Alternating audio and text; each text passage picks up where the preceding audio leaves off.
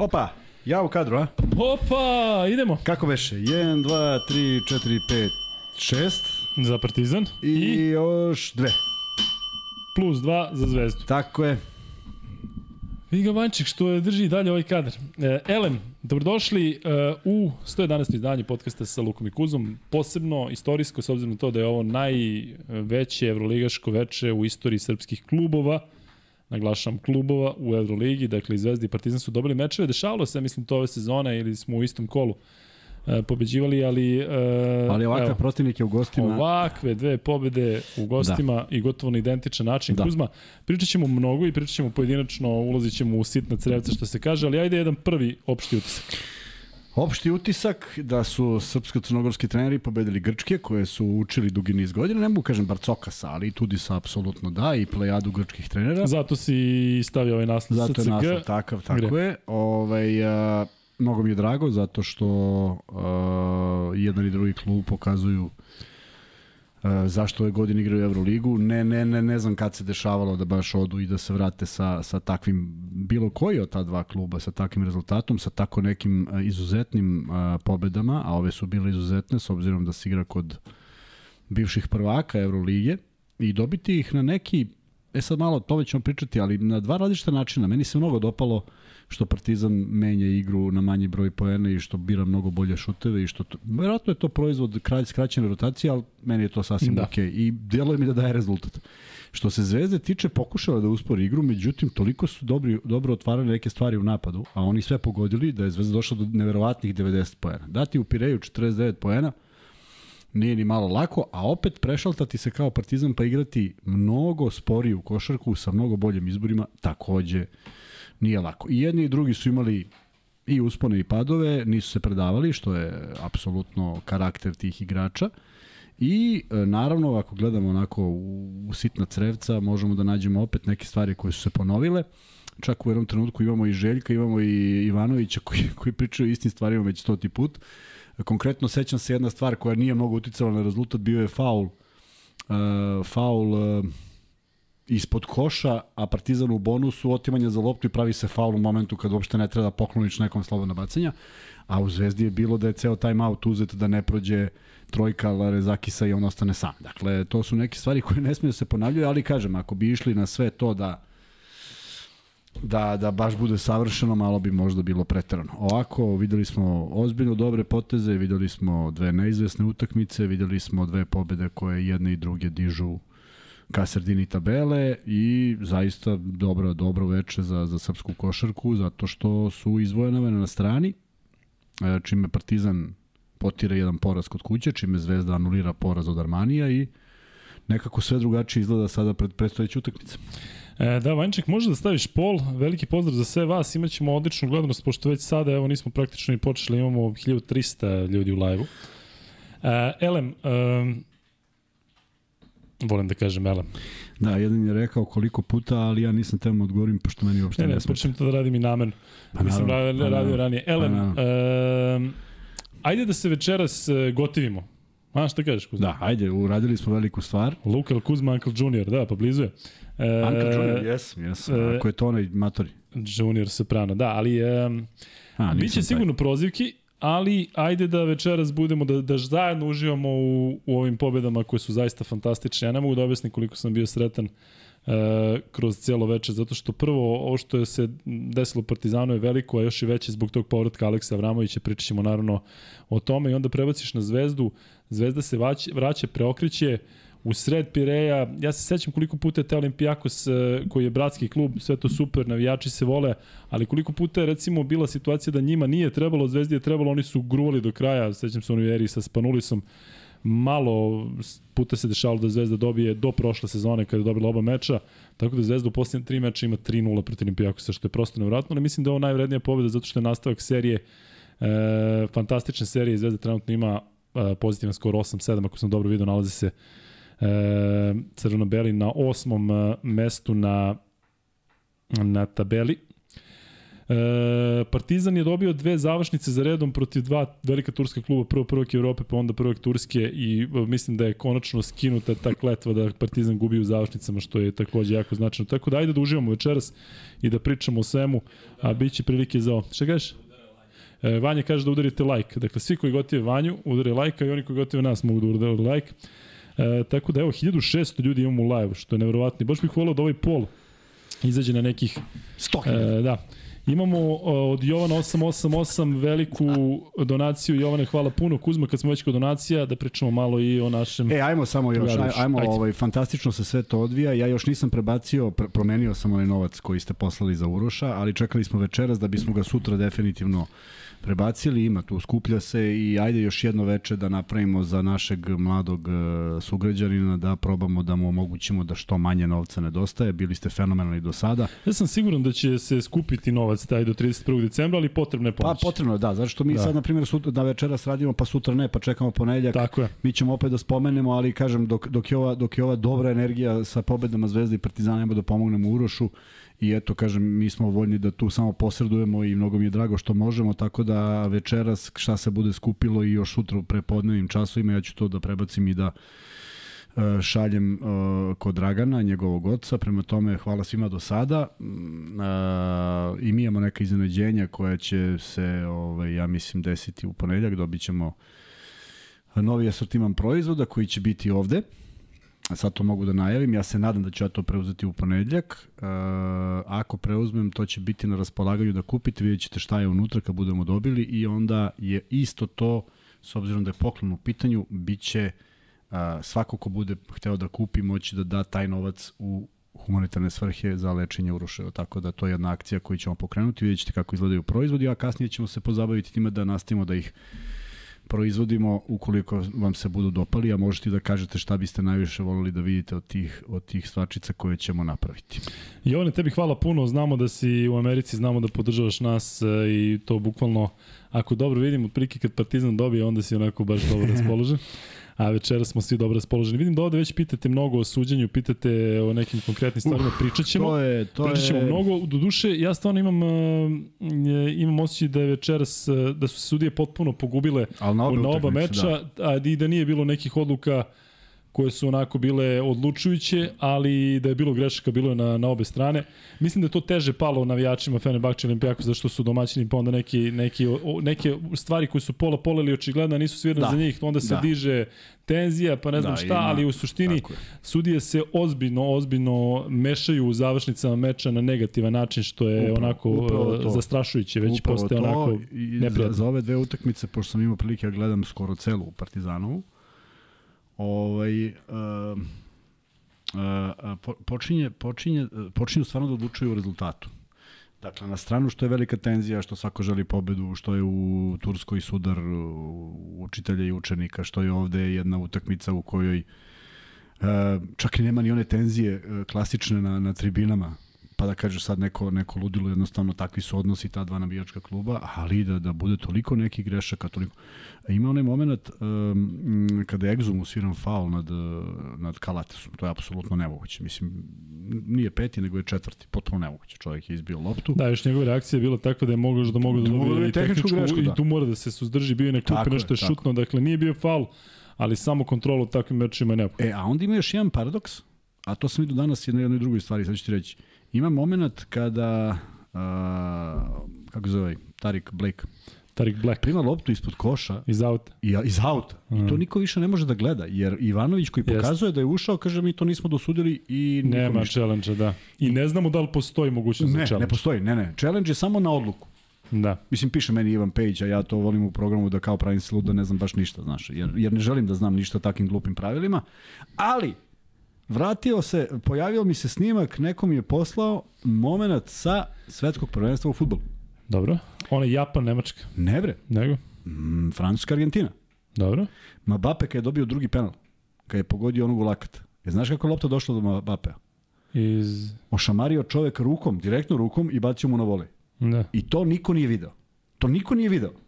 Apsolutno nemoguće. To ću ti kažem. Znači, da. čemu onda služe ako to nisu videli. Tako da, ovaj, e, ja ne želim stvarno da pričamo o sudijama. E, bio je jedan komentar koji je bio, naš komentar, moj Darko, je bio potpuno potpuno, znaš, odbunjeni, faul Lazića na Larenzakisu. Znači, prosto neprijatno ti je da, što vidiš ono jeste, jeste. i ne možeš da kažeš ništa, da kažeš, nije dobar ugao. A pritom je jako bitan moment bitan, i... tako A onda ga vraćaju u sledećoj sekundi jeste. da se Larenzakis gicne, niš da, čega. I onda mora... Čekajte ljudi, o čemu Lazić se... mora da bude oprezniji. Lazić je mora Ma, da zna se, ne, da, on je da mora da zna da će bilo šta. Da, ako dune prema Larenzakisu, da, da, će da, ovaj da, da padne iz si ga pogledao. Ali... A pritom Larenzakis, ako si vidio ono kada je Luka Mitrović, kad mu je e, bilo nešto na skoku, pa je udario po lopti, pa sam bacaknuo onako tako jeste, kreativno. Pa mogu da bude faul, jeste, onaj posljednji napad je mogu da bude faul. Ovaj, Milan Jeftić, naš e, prijatelj iz Švedske, šalje krune, hvala puno Milane, e, i ti si u dugu zna se, ja mislim da si po broju donacija ti ovaj, da, da, ubedljivo prvi, pošto onako jest. cepaš u svakom podcastu. Hvala vam puno. E, Kuzma, imamo trenutno 2000 ljudi u pa, live. Naravno, pa Imamo 1300, skoro 1300 glasača, imamo 700, skoro 700 lajkova. Bilo bi lepo da ovaj da večeras oborimo neke rekorde i kažem ajde da da ovaj pričamo o pobedama, da se ne svađamo. Vidim da ima i dosta vas koji ste sa Kosova, vidim da ima dosta vas koji šaljete pozdrave ka našim ljudima na Kosovu i naravno i mi se E, mi se tu... E, Jovan, Jovan ponovo šalje Paypalom, hvala ti Jovane. Hvala Jovane. E, mi se tu e, zaista ubacujemo kao neko ko će da pošalje zaista e, lepe misli, dobre vibracije svima vama koji ste na Kosovu. Vidimo da se tamo zvecka već dugo, nadamo se da, da će biti sve u redu, nadamo se da ćete za ove praznike biti e, živi, zdravi, sretni sa svojim porodicama i da će sve ovo što se trenutno dešava da bude samo jedna loša faza i da se brzo zaboravi.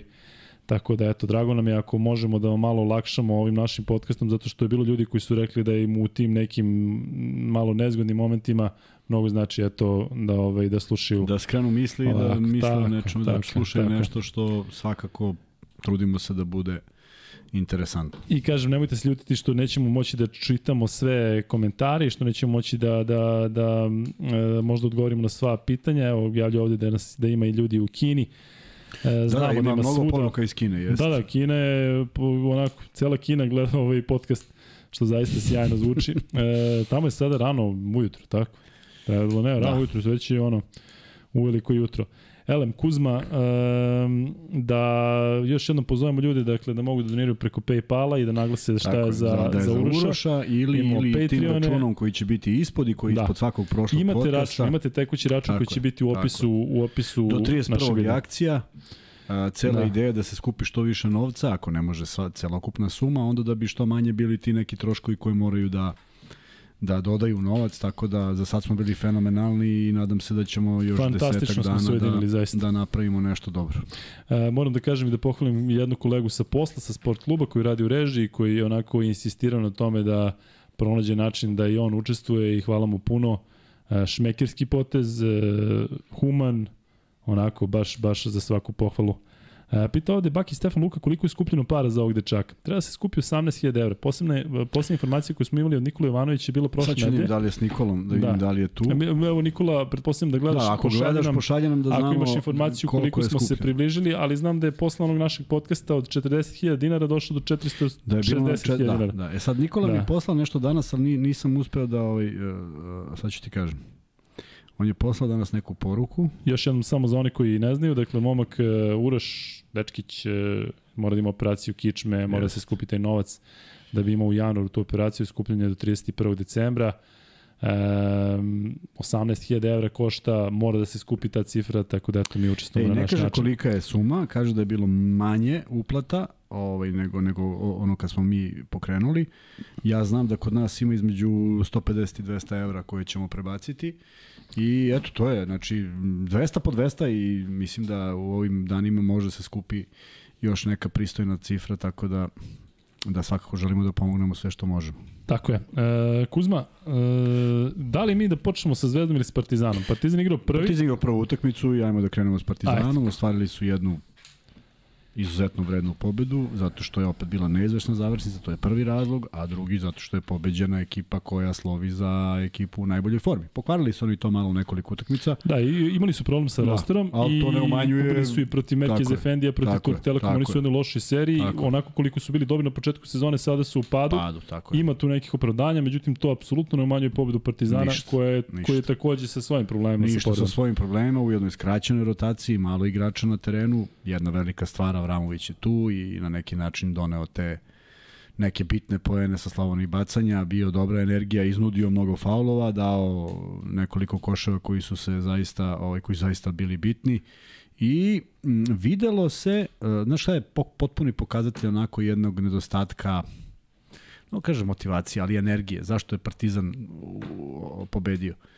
Poslednji skok na utakmici koji ipak znači nešto uzima Panter jer se niko Jeste, nije da. setio da skoči. ti vidiš da, da nešto tu ne valja. Jeste. Jako je bilo manje od dve sekunde do kraja. Ništa svi veze. znali da će da Papa Petru to verovatno promaši. Tako ja sam se tako. plašio od on koji promašio prvo ne, ne pokuša da promaši drugi pa da, da ga da. pogodi od tablu. I rekao samo nemoj to još sudi vraća ono sa 0-9 na 1-7. Da, zato što da. tolika, tolika fobija od loših završnica Partizana u Euroligi. To, da ne bude još ali evo ovde neko sada mislim da je Stefan Manče tu napisao čim je Panter prestao da dilja u završnici Partizanu se otvara. A taj moment Aleksa Vramovića koga ja toliko, toliko, ovaj, toliko sam navio za njega večeras i on se prekrstio u sred Istambula pred onoliko ljudi da. i ovaj, ja, pogodio to bacanje. Ne znam da li neko, evo možete možda da komentarišete šta on izgovori pred bacanje. E, znači on pred bacanje jednom je poljubio loptu, ali nešto kaže, da li bodri sebe ili nešto, da li može neko da pročita sa usana, ali vrlo je zanimljivo. I toliko, eto, momak koji igra prvu utakmicu u Euroligi ikada, dakle on da, nije, nije mlad. nije ništa počeo, Da, jest. i on je sada ušao, e, napravio nekoliko grešaka, ako se vidio odmah ispao u odbrani i on onaj backdoor Wilbekina kada mu je prišao, pa je posle ne, napravio još nekoliko je, naravno, grešaka ali to je, i u to je normalno, tako ali napravi faul kad treba, dakle, tako jak faul I dao je koš kada je trebalo i pokušao da iznudi faulove i dobro je što mu nisu ili tehničku grešku, mogla da se desi, jer ne zato što je on simuliran, nego zato što je bilo dva, Jest. dva puta za redom. Pa ako nije faul u napadu, nešto moraju da dunu i dobro je što se nisu odlučili da dunu. Ali jedan naš ovaj, gledalac je poslao fantastičan snimak. A, sa 500.000 je skupljeno. Eto, do sada. 500.000, da dakle, to je preko 4.000 evra. 700, još mi kad uplatimo ovo sutra, to će biti još malo više. Ajde, još malo više i koliko god možemo. Ali ovaj, samo da se vratim na, na, na samo da im kom je poslao. Aha, aha. Da li je Miloš? Da, Miloš Aničić je poslao fantastičan snimak.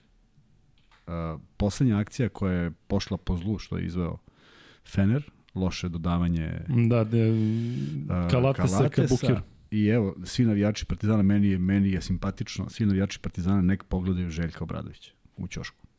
Evo ti pogledaj. Da. Klikni. Zatvorila, jeste? Jeste. Gledaj.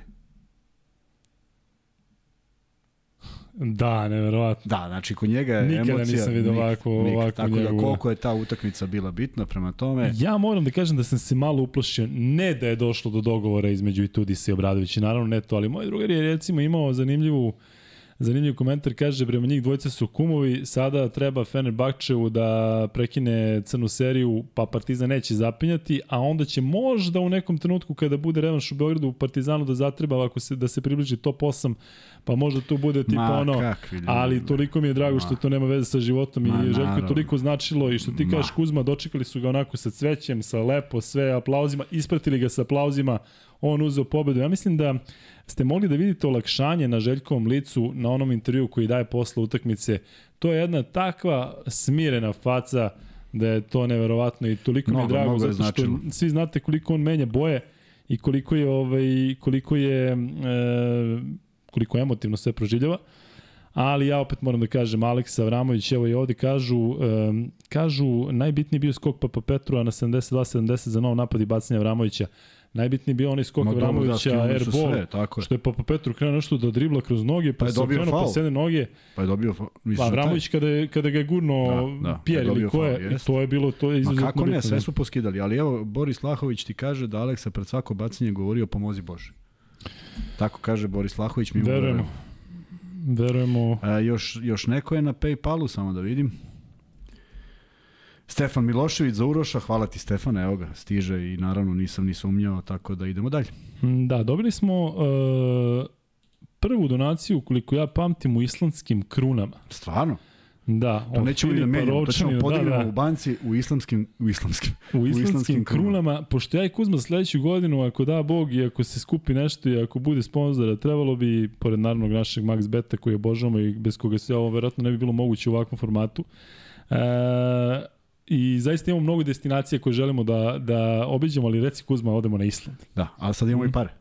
Tako je, da, imamo njihovu, njihovu ovaj, I kad se pojemo tamo, valutu, da. njima ništa nije jasno. E, samo da Tako. kažem da, pošto stižu mailovi nevjerojatnom brzinom, nekoliko sam propustio. Dakle, Jovan Jovan, Stefan Jovanović, Boris Mrđan, onda opet Nenad Pantić i dva puta Stefan Milošević, tako da... Iste, a, ovo je Stefan Jovanović, Stefan Milošević. Dakle, evo već koliko je, koliko sam ti pročitao? Šest, šest novih uplata, svaka čast momci. Sad, večeras? Sad, sad, od 23.06 do 23.20 za 14 minuta. Fenomenalno i uvijek naglasite, dakle, šta je za, za, za Uroša, šta je, šta je Tako ono je, što samo da znamo nama. i to je to. E, ja i Kuzma uvijek malo pojačamo tu cifru koja stigne od naravno, vas. Naravno, e, tako da, prebacimo, ovaj... zato što mi neke pare kad stižu kasnije, to ne računamo, mi ćemo prebaciti pa šta bude, nije Ono što ste dali recimo prošli put u live-u za Uroša, to je nama dostupno, mislim, tek krajem sledećeg meseca. Da, ali mi prebacimo, ali mi taj novac ovamo, za, da. za ovo, tako da... Tako da hvala vam što smo svi složeni zajedno u svemu ovome. Imamo za vas jednu informaciju, prema što se naravno nastavit ćemo da pričamo o Partizanu i pojedinačno, ali mi ćemo raditi sledeće, neće biti sutra podcasta, dakle nema potrebe, pošto su i Partizani večer i Zvezda igli u četvrtak, ali ćemo sledeće nedelje raditi i u četvrtak i u petak posle mečeva Partizana i Zvezde. Zvezda igra protiv Barcelone u petak, u petak. a Partizan igra protiv Bajerna u Beogradu u četvrtak. I molim vas da mi pišete ovde šta mislite kakav će biti uh, doček Trinkjerija i kakav vi mislite da treba ovaj šta šta očekujete i kakav mislite da treba da bude. Uh, elem uh, što se tiče dakle ta dva podcasta radimo četvrtak i petak, redovno radimo u ponedjeljak, ali taj u petak će biti 31. decembra, tako da ćemo se praktično približiti i tom um, momentu kada prelazimo u novu godinu i eto sa vama ćemo da podelimo još jedan, imaćemo još jedan praznik, dakle radićemo na dan da. poslednji dan ove 2022. 2022 gde smo zaista... I odmah prvog, odmah. Tako je, da, prvog ujutru. prvog ujutru. E, 2323 troje u live-u, e, 1838 glasova i 860 lajkova. Ajde dođemo do 1000 lajkova pa da proslavimo jednim free betom, ali e, pre toga Kuzma samo da kažem da je na zvaničnom sajtu Euroligi prva vest, live blog, Key Road wins for Partizan, Zvezda, Maccabi on Thursday. I tu su bacili Maccabi koji pobedi Albu. Edi, molim te. Kako se nije sramota. Sram. Dakle, Partizan i Zvezda pobeđuju um, Fener i, i Olimpijakos, dve možda u ovom trenutku i najbolje ekipe u Euroligi uz dužno poštovanje i španskih timova i sve super, ali kako su počeli, kako Olimpijakos igra u posljednje vreme, kako je Fenerbahče počeo, prosto neverovatno, ja kažem, ja sam toliko najiskrenije srećen i ovaj, zaista je uživanje, uživanje da, da, da pratimo ovo.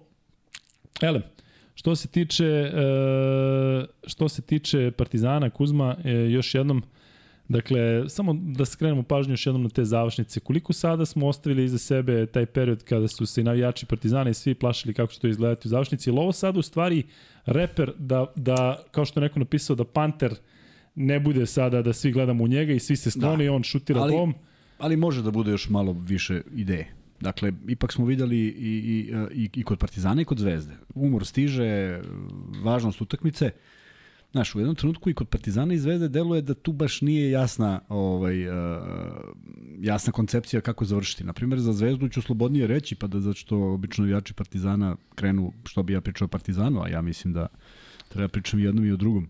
Evo, na primjer, ja ne mogu i dalje da razumem onaj šut za tri poena Vildose na, na, na, na u pretposlednji šut. Dakle, prosto... Ona što je letela iz... Ne, ne, ne, ne ona što je bacio, nego ona sledeća. Sledeća koja je bila on do Jovića, do Jovića, do Nedovića, ovaj njemu, ovaj njemu i na kraju. Ma to mora da ide na prodor. To mora da ide na prodor. Iako je pogodio pre toga dve. Ma nema, ali on ne, nije to bila dobra pozicija, to je iznuđena pozicija iz nekog driblinga. Dakle, nije da, ali on, ono jedno je Svintirović Ćoška pa je pogodio onako Slažem se, ali to je bilo, ali to je bilo mnogo drugačije nego ovo. Je bio šut Jasne. zato što ističe vreme. E onda ideš na prodor. Pa ako ti se poseće neko ti da faul, ako ne, bar si bliže košu pa možda uđe. A Nedović je onaj šut, ona airball gde možda imaš dve sekunde bar za dribling. Morao je, morao je bolje da uzme. Morao je, morao je da šutne makar da pogodi obruč, ne da. baš da leti onako. Tako da ima tu još dosta stvari koje mogu da se isprave.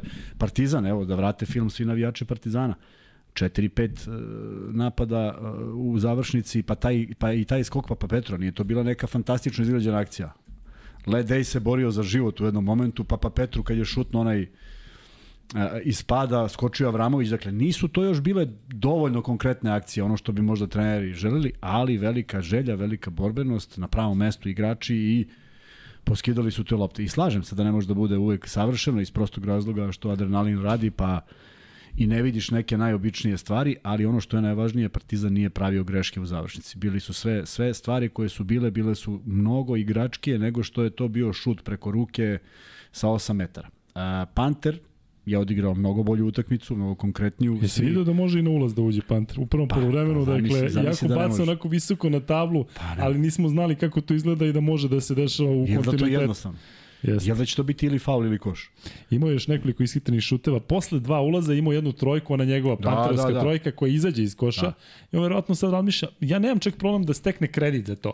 Znači, išao si tri put nulaz, da, pa šutni takvu jednu, Tako je, a nemoj da četiri za redom. Da, da. Uh, bili su opet opet izabrati moment. Fener promašuje trojku i onda on vrati uh, uh, uh, promaše. Ne, sad, sad je bitno da, da, da smanjiš. Tako, Tako da tu ima stvarno mnogo nekih stvari koje mogu da se ovaj, rezonuju, ali uh, E, svakako je Partizan izgledao drugačije u ovoj Jest. utakmici. E, ostali su bez egzuma, što je moglo da bude zaista veliki problem, jer ipak je neko ko je pogađao slobodno bacanje i kontrolisao loptu pre svega. Ali pomoćnik koji je prišao kada je egzum šutnuo reklamu koju mi prišao rekao, alo bre, Daj bre, da, diskuriraš, da, nam treba da, sad jest. ti, znaš, zato što znaš, Bakče publiku ima takvu da reaguje na sve i pritisak dodatni da se svira neka e, tehnička. I, ima još jedan moment e, o kojem moraju da vode i igrači Zvezde i Partizana. I znam da će neko reći ovaj sad sve zna. Da sam ja znao u ovim godinama u koje oni imaju, pa naravno bio bi ja svetski poznat igrač, ali ovaj, prosto stekneš neko iskustvo i ja sam učio kako te stvari da ispravljam i ne mislim da je kasno za njih, ali Sećaš se momenta kada Wilbekin baca jednu užasnu loptu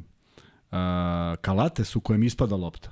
I odjednom neko pomisli da će Kalates šta da uradi. I odjednom rotira čovjek sa Wilbekina. Ma, srećna okolnost je da je lopta kod Kalatesa. Nek smisli šta god hoće, nemoj da te povuče, da kreneš, on krene, Wilbekin dobio loptu i šutne trojku. Kuzma kaže da je bilo mnogo, mnogo sličnih situacija i ta završnica Zvezde i Partizana i ove jest, pobede, ali je jest. bilo nekoliko čudnih rotacija i kod Partizana i kod Zvezde, ali to pad koncentracije kod Zvezde, recimo, uh, u svakoj četvrtini čini mi se da je bilo nekog ispadanja i možda slabe komunikacije u odbranu. A, vidi, Zvezda imala taj problem što nije bilo centara. Dakle, nije, nije igrao Kuzmić na kojeg se ipak naviklo. A, mislim da su odlično pokrivali jedni druge, u drugom polovremenu i pravili nenormalan broj faulova i prekidali igru. I to je ono što sam uvijek tvrdio. Ne može neko te pobedi kad mu sečeš igru i kad nema uh, lopte u pravom trenutku. Tako da, kod Zvezde, sve što su ispali, uspeli su da nadoknade nekim dobrim faulom. Pa čak i četvrti Vildosin faul je ispostavilo se dobar jer nema poen. Uh, gađali su Bleka, koji nije neki sigurno izvođač, jeste pogodio on sve osim jednog, ali to je bilo legitimno da biraš njega bolje nego Da, ali on sa onim slobodnim bacanjima ja ne mogu da okay, verujem da je pogodio ih je, ali ali vidi, ti znaš da ako je pet i on da dva slobodna bacanja, ti si ipak na tri. Nije da. tu neka trojka pa ulaziš u nervozu i skok publike. Tako da slažem se da ima još dosta da se radi da će uvek neka utakmica, svaka utakmica imati nešto što što je nedostajalo, ali a, fokus i koncentracija na kraju u rukama i Zvezde i Partizana u njihovim utakmicama jedan, jedan, jedan dosta nervozan Fener, koji je predvodio Gudurić, to me iznenadilo, pošto je šutno neki neverovatan procenat, u stvari nije zabeleženo, ima procenat, pošto mora poviš baš jedno, tako? Dakle, ima nula. A, izbori nekih e, ideja u napadu Olimpijakosa takođe, ali ja to želim da verujem da su to zasluge dobre odbrane i jednih i drugih i da su oni neke stvari zaista dobro odradili i zasluženo pobedili. Nema šta da se pregovori. E, kaže ovde neko, Luka, tebi se vidi iskrena sreća u glasu. Da, e, stvarno sam srećan. Kunem se zato što razmišljam. Znate koliko i se koliko emocija pratim Denver i evo, ništa nemam protiv Mare, ali jedan moma kako se povredio, potpuno se menja ritam. Oni su dobili napadačku ekipu Memphisa 105-91, dakle nema ispadanja iz, iz bilo kakvog sistema. Um, reprezentacija Srbije je obezbedila verovatno plasma na svetsko prvenstvo, što je mene prilično dugo mučilo i evo sad nam fali ta pobeda protiv Britanaca i Partizan i Zvezda u Euroligi i sada evo da kažemo da je možda i jedini period ove sezone da i Partizan i Zvezda možemo da kažemo da su u, u, super ritmu, u smislu da je Partizan pobedio ove dve, da je Zvezda eto izgubila prošlu, ali od kada Ivanović došao igra fantastično, tako da sam najiskrenije srećan. Kuzma, pamti ovo, imamo od Gorana Marovića ozbiljnu uplatu u švedskim krunama za Ukije, E, imamo od Slobodana Tihovića koji je posle naglasio da je ovo Zukija za malo to da ne vidim. E, Slobodan, hvala I puno. I sa Islanda Filip je za Ukeda, znaš. E, Vidio sam super, ja u poruku. Super. E, I imamo od e, Slobodana Tihojevića, imamo od Ivana Jovanovića, koji kaže pozdrav za braću iz Zavanog Mičigena. Da ovde kod nas e, ne veje i kaže da neće veti uopšte i drago nam zbog toga. Imamo e, i uplatu od Stefana L. Tako da hvala vam puno, zaista ste fantastični, hvala vam na gledanosti. Došli smo do 1000-tog e, lajka, tako da možemo da ispucamo jedan free bet. Pazi, 2124 glasa. Zvezda i Partizan. Ovde se nisam ulogao kao što se obično ne ulogao, ili ima više Zvezdaša ili Partizanaca, šta kaže tu? Zvezdaša počekamo. Inače, da. Aleksandar Belajev šalje, ti znaš da on stavlja sa Miami Bića i poslao je raširene ruke, stavio sam na story, raširene ruke, Exumov dres. Stjajno. Evo ga na storiju. Šta si rekao kad smo već kod toga, zašto nema više prodaje dresova? Zašto Partizan i Zvezda ne žive u dresova? To postoji neko, neko nam je objasnio. Pa zar se ne bi prodavali sada dresovi svih zvezdaša i svih partizanovaca? Da sad imaš od Vildose, bre, od, od Kampaca. Ne znam kako to ide, ne znam koja cena može se postigne, vidiš da, da su problemi životni.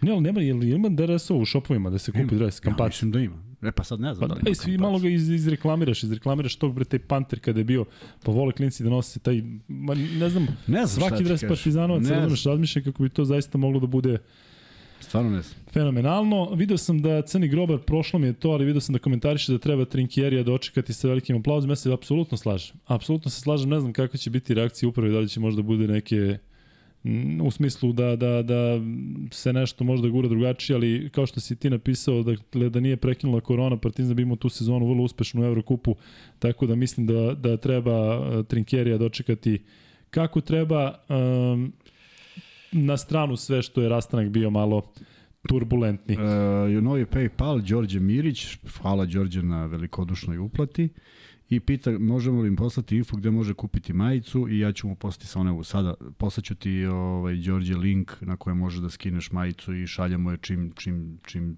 pre. E, da, e, vidim da mm, ovde sada šalju da su 9000 dresovi. Eto, to je mnogo. E, Pa dobro i nije mnogo. Koliko treba da budu dresovi? 3000. pa ne znam. A 3200? Ne znam. Pa ne, nije, ne, ne, ne nisam nerealan, ne, šalim se, nisam nerealan. A što se tiče majica naših, ček, ček, ček, samo sam... da kažem da ćemo imati iznenađenje neko koje je već na sledećem podcastu. Imat ćemo da sledeći priča. podcast, ovaj, ne kupujte majice do sledećeg podcasta. da. I Vladan ovaj, Miladinović je ovde donirao. A, slušaj, da ti kažem jednu stvar, ja sam otišao kupim, bio sam u Barceloni, hteo sam kupim klincima ovaj, original. Koliko on košta? 60, 100? 100 evra. Blizu 100, mislim da je stotka. Evra, 100. Da, da. Deči, Barcelona. Da. U muzeju? Da, kod njih, ne u muzeju, u njihovoj prodavnici. I onda sam otišao i kupio za 30. Identično, sve identično. Samo falš. Samo da. nije. Nemoj da se, mislim, pazi, i tamo se kupuje mnogo više to. Ne može svako da uđe u radnju. A ne može ovde svako uđe s 9000 dinara i kupi dres. No, Mi kad smo bili u Barsi 97. Oni su u Barceloni nama, klincima koji smo imali 15 godina, koji smo došli na košarkaški kamp, prodavali dresove i čim su videli odakle smo, dakle, Srbija, onem u Barceloni vadi i kaže Mijatović, Mijatović, Pantić, ovaj, znaš, ima, ima to spremno, jednostavno, znaš kako prodaješ, kome prodaješ i nema šta. A ovaj, e, ma bre, mislim da bi to moglo bolje da se, da se sve da se iskoristi da klubovi imaju više para, tako da nema šta. Slažem se. E, hvala puno, rekao sam i Vladom Milodinoviću za, za donaciju. Vreme za, za free bet, ili ima neku, neku ideju? Svi ćute u ovom studiju. Nevjerojatno kad dođe do free beta, ne, to je ideje. prosto Ma, nevjerojatno. Kakve ideje, bre? E, ajde da nekako spojimo Zvezdu i Partizan. Ne znam kako, ali... A u ovim su klubovima koji su bili protivnici danas? Ili misliš kao protivničkim klubovima? Uje, pa to će da izađe 7000 ovih, ovih, e, da. E, ajde ovako. Nabrojite imena po jednog pomoćnog trenera iz Zvezde i Partizana. Da i njima malo damo kredita. Dakle, jedan pomoćni trener Partizana, jedan pomoćni trener Zvezde i ko prvi odgovori dobija uh, free bet. Vanja, ja mislim da možda ugasiš ovaj pol, zato što uh, imamo 2300 votova, pa da mogu da vidim i bolje. Ovo, evo, Nikola Seklić već odgovara u napred. Ovo, I svi uglavnom odgovaraju napred da bi dobili free bet. E, kaže, 9000 dinara nije realno uopšte za Srbiju. Piti Luku e, da li zna kolika je lekarska plata u Srbiji o minimalcu da se ne priča. Sve razumem, ali ako znaš da recimo taj novac koji daš da ide klubu, da se tim iskoristi nešto dobro, mislim da je to kao neka vrsta, ajde da kažem, podrške. Pa, pa je možda jako je cena nerealna, pa naravno svi znamo šta je 9000 ovaj, koliko i šta je. E, Uroš Novaković je odgovorio Nenad i Marko, ali smo tražili ipak uh, Simketa, možemo da, pri, da i pritom si odgovorio Nenad, je li tako, Vanja? Pa da, Simke je stavio Neša Ilić Andrović. Neša Ilić je u stafu, pa možemo da priznamo. Nemoj se ljutiti Uroše, ali ne možemo da priznamo Nenad i Marko. E, iako sam ja rekao da imena, a, potpuno te razumem. Ali Uroš, ajde, pazi na sledećem free betu, pa, pa ćemo da vidimo da ti nešto namestimo da uzmeš. Ali šal na stranu, Simke, mislim da ranije nisi dobio free bet, pa ti pošalji na Luka i Kuzma uh, Instagram, E, kako nam ide Instagram Kuzma, donja crta, Luka i Kuzma, Luka i Kuzma donja, donja crta, crta, Luka i Kuzma, donja crta. Tako je, i tamo se isto nešto, brojevi su sve bolji i bolji, tako? A evo kaže Aleksandar Belajev da ima Exumov dres iz Jute, Ja. Jedva ga je našao iz 2015. godine i kaže da su novi dresovi oko 120 dolara. Da, da. E, kaže Milan Jovanović, Nešelić nije pomoćni trener, sve okej. Okay. E, ali razumem, ali ajde, mislio sam i Stefan je pomoćni trener, tako da si čak i delimično pravo, ali ajde, pogledat ćemo E sad, Vasilije Božović me pita nešto što su me već pitali, ali ne znam, ovaj, ne znam šta se desilo. Naime, pitaju, o, o, Vasilije pita gde mogu da se gledaju kada su večiti konferencije u gostima kada su večiti konferencije u gostima. Da, da, da, da, A, samo kada je, kada e. je u pioniru ili u areni, onda imamo, prenosimo to na sport klub. Tako to hoće. a ovde, da, a ovde izgleda nije išlo. Nije, ali iskreno ni ja ne znam. Ali... ali nije bilo ni studija posle Partizana, što mislim da je opravdano zašto je trajala zvezdina utakmica. Da, ali svejedno, ja sam mislio da, ja sam bio ubeđen da će biti studio. Dakle, čekali smo samo... A možda je neki tenis krenuo, nešto mora Nije, da je bilo... Nije, krenulo Real Asfale, samo tu nastavio, e, pa, ali... onda je krenulo... Bilo je, zašto da. znam da su ljudi čekali da čuju... Da, da, verujem, da, verujem, verujem da vide šta kaže... U svakom slučaju nije to, to je vratno samo zbog zgusnutog programa, inače nema, nema razloga zašto da ne bude. Ako postoji, logično da bude studio. Mi u studiju sada nismo gledali konferenciju za štampu kad, kad su u gostima. Ne gledamo je, ne, ne, ne emitujemo je. Da. Emitujemo samo kada se igra u... Jeste, kada smo do, do, domaćini. I to onda ide gostujući trener i mi se isključujemo pre domaćeg koji onda završi i to ide u program. Da, evo kaže ovde obrek je pasa Luka, fina ideja oko prodaje dresova. Jedan podatak vezan za Argentince u Zvezdi, mnogo se prate njihove igre u Zvezdi, zamisli samo kako bi dresovi distribuirali u Argentinu. Pa da, da, sada preko interneta ide sve, dakle, mislim da bi ta online prodaja u stvari bila i naj najzanimljivija zato što znamo koliko vas ima koji pratite naš podcast, a niste iz Beograda, niste iz Srbije ili niste iz regiona. Tako da pretpostavljam da bi to bilo, kada bi se baš tako marketinški namestilo, da to bude ovaj, e, neka vrsta podrške klubu, zato što svi pričaju o tome kakvi su budžeti, da li su budžeti, ovako može samo da bude bolje. Tako da eto, to je, to je neka ideja. S tim što kažem, ograđujem se, ne znam kako to ide, koliko ide sponzoru, koliko ide, odnosno koliko ide proizvođaču. Mi znamo sa našim majicama da tu ima ovaj, uh, dosta peripetija kamo, sa, kamo li sa, sa tako nekim stvarima. E, dobro, Kuzma, da se vratimo na Partizan, ja mislim da možemo da pređemo na igrače. Vanja, kakav je ispao pol? Samo da vidimo, jesi video? Mm, sad ću da pokušam da nađem ja, zato što razvaljuje kako stiže. Da, e, da, duplo više znači Zvezdaša, više nego duplo više. E, da li što se tiče Partizana, da kažemo samo da je e, Partizan defanzivno odigrao jako dobro, tako Kuzma, prosto, tako ja mislim, je. možda čak i najbolja defanzivna partija Partizana je. u kontinuitetu od početka sezona i odmah je stigao rezultat. Išlo je na ruku, što je iz nekog meni neobjašnjivog razloga Fener išao apsolutno sve na tri. Dakle, to je, oni kako su spustili u reket, pravili su problemi ili iznuđivali falove, ali je opredeljenje bilo da se to reši u trojkama. Fener je imao nekih 6, 7, 8, 9, 10 poena. Je ti to deluje kao opredeljenje ili da je bilo i iznuđenih situacija po kontinuitetu uh, gledalo da samo štiri trojke? U, vidi, bilo mi, delovalo mi je da, da je dovoljno dobra odbrana, ali da su stvarno uzimali prevelik broj šuteva. Naravno što kad šutneš četiri za redom i promašiš, pa onda valjda ne mora neko ti nacrta da uzme time out i da kaže da ideš na prodor. Međutim, ovaj, stvarno, su, stvarno su dobro rotirali i, i stizali sve. Koliko misliš da recimo Čak i ona rampa, rampa je bila jedna vrlo bitna negde na obruču Buker valjda jest, na kraju. Jest, jest, to, to, to Petro kada da, mu je skinuo Tako da to su to su to znači da su sve stigli. A to znači se menja što, je... što nema Motlija? Recimo da je Motli tu menja bilo drugačije. Menja su bilo bi drugačije. Da, da, naravno, pošto ipak je on stvarno neko ko donosi razliku, ovde nima ko Džekiri ne može. Buker nije taj tip, uh, ali svejedno ne možeš da baziraš igru na 3 poena, pritom ne ideš šut za 3 poena. Vilbekin je pogodio u onom momentu kad se Fener odvojio, ali Gudurić je zaista sve promašio. Prema tome nije bilo neke naročite unutrašnje igre, Partizan je to dobro ovaj, iskontrolisao, smanjivao, smanjivao, smanjivao, dok nije poveo. I kažem, nisu to bili toliko smisleni napadi koliko su ipak imali veliku želju i energiju da u dva navrata ničije lopte skinu i da osvoje i da krenu u novi napad, što je naravno ovaj, zasluga jedne pre svega velike želje i, i sigurno motiva koji su imali da se ne ponovi ovo sve i za razliku od prethodne utakmice da je opet bio onaj moment kada se, da, kada se prima brza trojka za, za nula sekundi, ovde to nije se desilo, ovde je ipak sve bilo pod kontrolom Partizana. Da, imamo dve nove uplate iz Švedske. U Švedskoj se izgleda razvaljam kako gledamo. Laf 057 kaže za dječaka pozdrav od treće smjene iz Geteborga, veliki pozdrav za tebi, veliki pozdrav za ko sam ja, Niko, koji je donirao takođe u švedskim krunama, tako da gori švedska večeras, gde znamo da ima dosta vas koji ste naši. E, Vanček, ako eventualno propustim neku od donacija, zato što sad ovde gledamo ovu statistiku i, i da bih mogao da ovo, ako eventualno nešto bude, ti, ti reci. Um,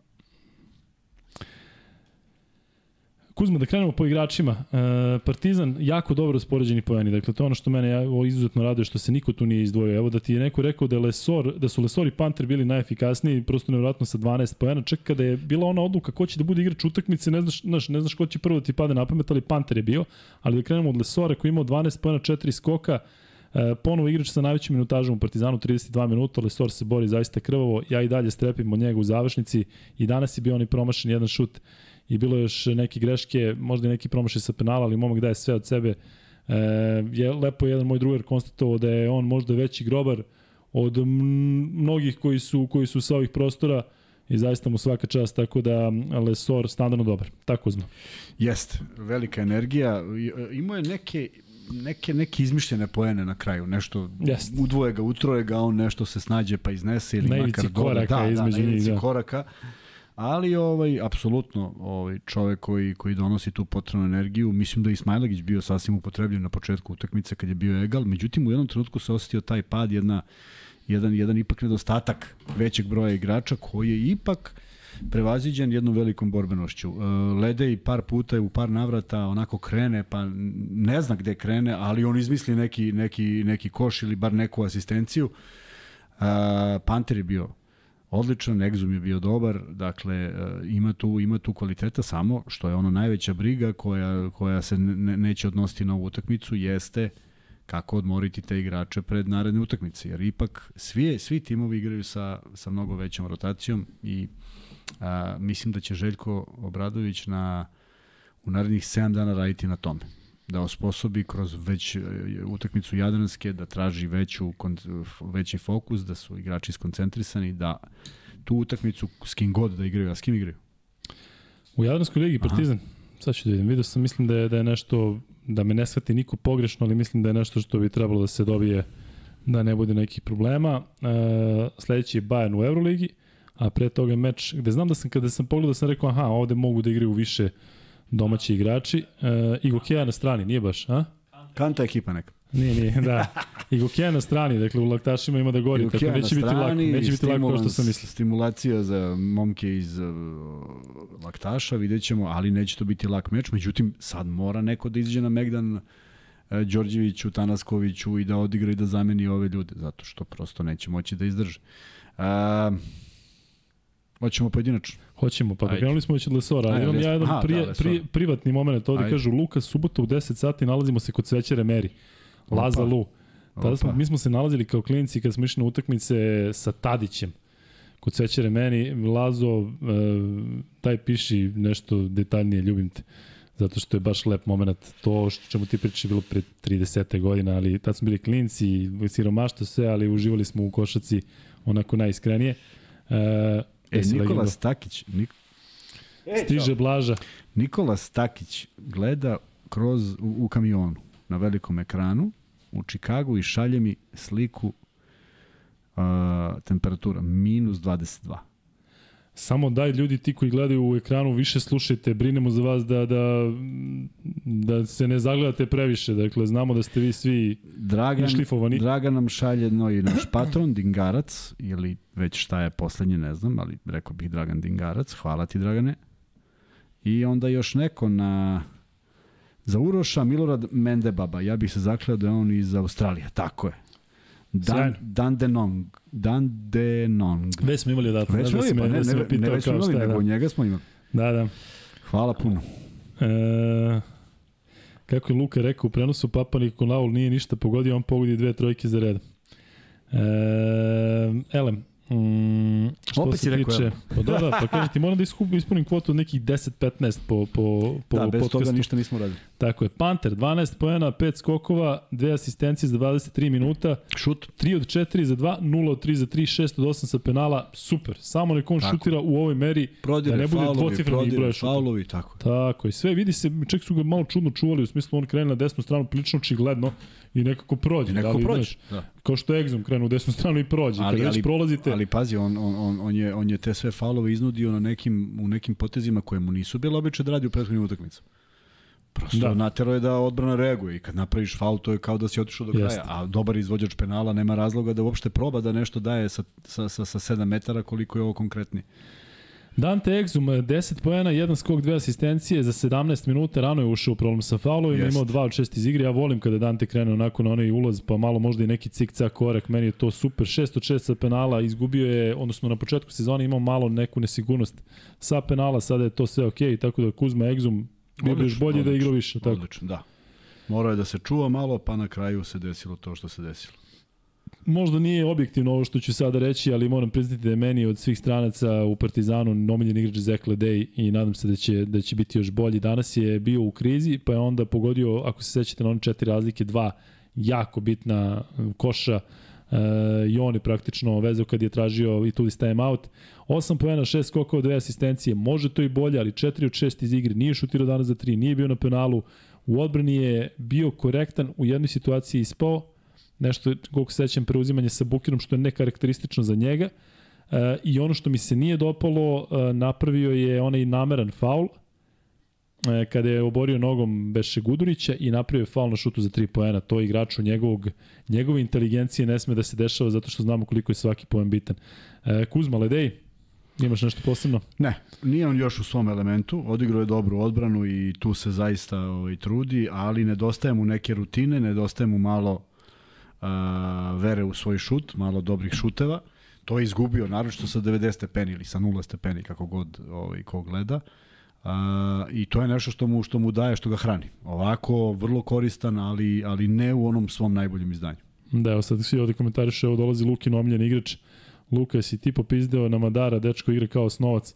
I vi znate koliko ja ovaj, znam da ga iskritikujem, ali ovo mi se sviđa da je Avramović umesto njega na terenu, da Madar sa onom energijom radi stvari tokom meča.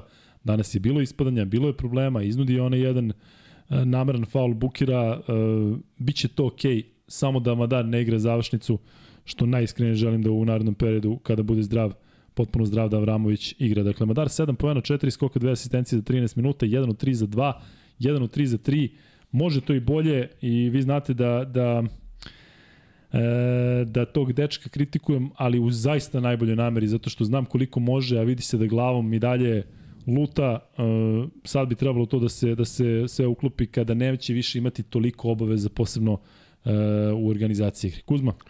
Da, nedostaje mu, on, on ne, ne stiče nikakvu rutinu, ima i dalje dovoljno prostora i znam zašto se nerira Obradović, zato što prosto očekuje od njega da to da se to prelomi, da napokon jedna utakmica bude onako kako je trener zamislio. Nije to naravno bilo ni sa Avramovićem moguće. Ne može čovjek da se vrati na parket i da to sve funkcioniše, ali video si koliko je to drugačiji pristup, koliko on unese dodatno energije kad pogreši, ne bili to ispravi i na kraju ispravi, što je najvažnije ispravi. I on veruje u sebe i znam da postoji ozbiljan otklon prema prodoru, prema šutu, prema svemu. Nije to lako probiti, ali A, kao što je Smajlagić izjavio pre neki dan, ako sam dobro pročitao, da se vratio pre nego što su mu lekari rekli jer ne može više da gleda, tako i Avramović sigurno uletao u sve ovo sa jednom emocijom da se napokon nešto preokrene. I onda zamisli koja je njegova satisfakcija kad odigra kraj utakmice konkretno.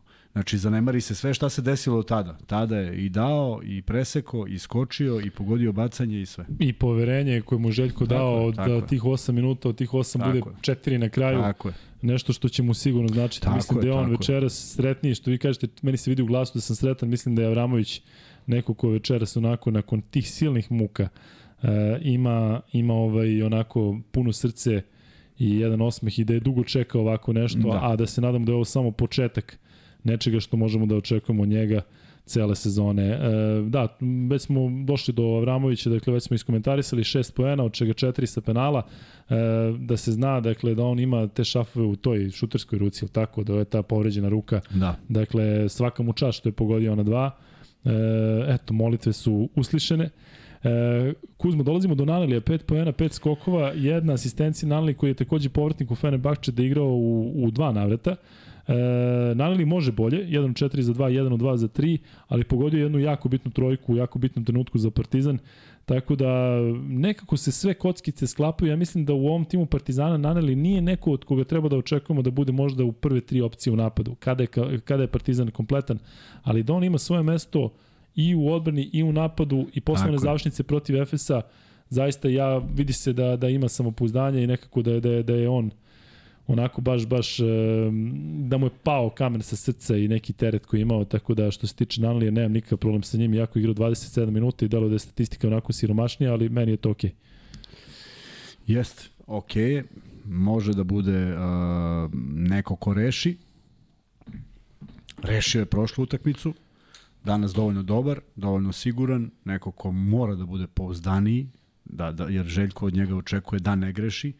Uh, to sam pričao s jednim mladim košarkašem pre neki dan, dogod trener ima, ima nešto da ti kaže, to znači da od tebe očekuje nešto. I ja mislim da je Naneli taj ko, ko, kojem Željko kad kaže nešto, to i očekuje. I zato se više i nervira kada se desi to što što, što treba da se desi. Ima sad neki time out njegov koji izašao gde burno reaguje za nešto što mu Ledej odgovara. Uh, znam, kada kaže znam šta, pa onda odradi. Tako da to je kod svih trenera manje više tako, ali ti igrači koji ima poverenje, trener zaista ne voli da vidi da oni greše, jer ima ima onih igrača od kojih je navikao da greše. Evo ovde me pominju, kažu da je ipak u desnoj ruci. Da je desna ruka problem, ali neko nam je ovde rekao da, da je u u levoj, da li Trunić ili neko, pa smo komentarisali. Ne, mislim da nije u šuterskoj, mislim da je u desnoj. E, da, da leva je šuterska, a u desnoj. Dobro, super, još bolje. E, šta, šta? Imamo donaciju iz uh, e, e, CHF, to je švajcarski francija, tako. Hvala puno Svetozare na uh, izdašnoj donaciji. E, opet se vraćamo na ovo privatno. Luka, danas je dan škole gde se trenirao 22. decembar ili Radomir Putnik. Nemoj da zaboraviš. Tadija će da se ljuti i geološku ne zaboravi 50 ljudi igra se 5 na 5 svi ostali na ripstolima. Gde da zaboravim prijatelju? Ne da ne mogu da zaboravim, nego mi sin ide u tu školu, tako da e, da ovaj, nema tu zaborava nikakvog, sećam se najsitnijih detalja. Sećam se da sam jednom od velike želje da igram utakmicu protiv Zvezde, smo igrali to Zvezda 81. Mi smo bili 82. Od velike želje sam promašio dan. U nedelju 11 je trebalo da igramo, ja sam došao u subotu 11 i sedeo ispred i čekao, a negde znajući da ne može da se ovaj da se igra, ali eto, bilo je toliko sjajni košava u tom 22. decembru, onda kada mi je sin krenuo u školu, vidio sam da na tablama stoji sport klub i donirao table i onda mi je tek srce bilo puno. Čoveč, da, moram ovaj, da čitam nešto da smo Ajde. dobili preko Paypala od Predraga Brajkovića i ništa tu ne je bilo blesavo da on živi u Marijane Gregoran 44 u mom starom kraju da je on cvijin sin. Znači, Nema da, da, da, da. To što da. si ti pominjao sa Vladimir Štimcem, sa, sa Vladom Štimcem, ko je u kom broju, tako? Ti si u 44, a? Da. Neverovatno. Ja sam 44 Kakvi ja. privatni momenti večeras. Kako genijalno. 22. decembar i Marijane Gregor. Hvala, hvala Peđa. Da, e, jeste, evo ovdje kažu desna ruka. E, kažu da je naš najpoznatiji menadžer objavio neku zagonetku. Jeste, na... da dolazi neki centar pa se sad spekuliše da je Milutinov. Gde, u Partizan? U Zvezdu. U Zvezdu? Milutinov u Zvezdu? Ma taj nema šanse. Milutinovu zvezdu se zvezdam. Pa dobro, sad što se ljutiš na mene? Mm, da, i ovde ljudi komentarišu, pa nešto pomenju Gogu Bitadzea, ali mislim da je on pod ugovorom u Indijani, ne možeš odeš u sred, da? Ma da ne igra tamo. Da. E, Nikola Slavić e, šalje poruku svima koji žele da gledaju, kaže e, da se, da, da, da, da se prenosi, kao što Zvezdin kanal prenosi konferenciju kada se igra u Pioniru, Zvezdin kanal YouTube. Dobro. Tako da svi znaju da je Olimpijakosa prenosio konferenciju. Znači, verovatno svaki, gost, svaki domaćinski da. prenosi ovaj, na YouTube-u konferenciju za štampu. Hvala. Hvala Nikola. E, da, vidite još jednu stvar koja je, koja je jako bitna, što sam hteo prilično bitno. Sad si da, ovo što kažem za Kuzmu. Potpuno si poremećen. Da, sad sa ovim privatnim stvarima. Dakle, Kuzma kada gleda u telefon, Kuzma odgovara vama da. i zahvaljujem vam se i da. tu je u kontaktu sa vama, tako da možda deluje malo onako kao Jeste, Kuzma. Jeste, izvinjam se kad deluje, ali toliko poruka stigne, onda jest, mi je krivo da jest. nekoga preskočim, a naravno što je Nebraske kad stižu, ovaj, odakle, pa sve to dokačim. E, zato što verujem da to ljudima znači. Znaš, a kako ne? Još da posebno da znači, ovako kada je live. A, da, a mi stvarno sve vas doživljamo kao neko ko pravi ovu priču pozitivnom i kao naše i, i neke smo upoznali lično. Ne bi baš mogli sve da upoznamo, ali ova komunikacija koja funkcioniše kako funkcioniše meni je idealna i stvarno mi zato mi ne predstavlja problem jer verujem da je da se ljudi obraduju kad pročitaju nešto ili čuju nešto o sebi ovaj uživo, a to je nama, nama najmanji problem. Jes malo da gledam, ne gledam u, u luku, ali čujem sve što želim. Gleda me dovoljno i tokom dana i ovako i pre i posle podcasta. Odvojim šta hoću da čujem tako. i onda čujem samo ono što želim. Kaže kako Luka zatrokirao kad je čuo za Milutinova. da, da, jeste bio trok jedan. Ali ovaj, bit će zanimljivo. Ali stvarno, znaš, razmišljam ovih dana koliko stvari Davidovac bi bio dobro u ovoj zvezdi. Gde je ostao? A? Bi, bi, bi. bi. Ovako meni je žao, meni je žao. Tu, ne, tu neki Jeste. nešto se desilo, nešto ne, ne mogu da objasnim. Ja, ja ne znam kako je on pušten i kako je otišao. Pa pričali smo, on je dobio mnogo više para. Pa dobro što je dobio, ali ti si, ti si trebalo je da neko reaguje. Ne možeš ti dobiješ mnogo para da si imao ponudu zvezde. Mislim, možeš. Možeš, naravno. Možeš, naravno. Ali to, to se predupredi. E, I video sam izlazi na zagrevanje, gledao sam tim CSKA koji je vrlo interesantan, tamo Moore, Šved e, i ostali. Milutino mislim da je onom posljednjem meču protiv Samare bio, bio povređen. Mm, ne mogu se setim, ali, znaš, nekako telo je bre ono siromašno, bre. U smislu, CSKA kad igra u Euroligi pred onako malo pa navijača. Jest, pa naravno. Znači, pa ne znam kako je to osjećaj kad pa. pređeš iz ovako vrele atmosfere gde sve pa gori znam, sad. Ko zna kako je to sve tamo, jest, kakav je život jest, i koliko, jest. koliko ima problema ili ne problema. Ono što me obradovalo, to je njegova statistika. Jesi vidio? 2, 2, 2, 2, 3 od 4 slobodno bacanje. Da, da, da, jeste. I da. kraj, završeno sve. E, sve okay. Statistika, ala Jagodić Kuriđa. Pa da, a uvek će tako bude. Luka, hoćeš preživeti ove dolaske u Zvezdu. Ne možete verujete da, mislim da ovde kao da hoću ja preživeti i pritom Mas je do, donirao, to je u, u poruci donacije.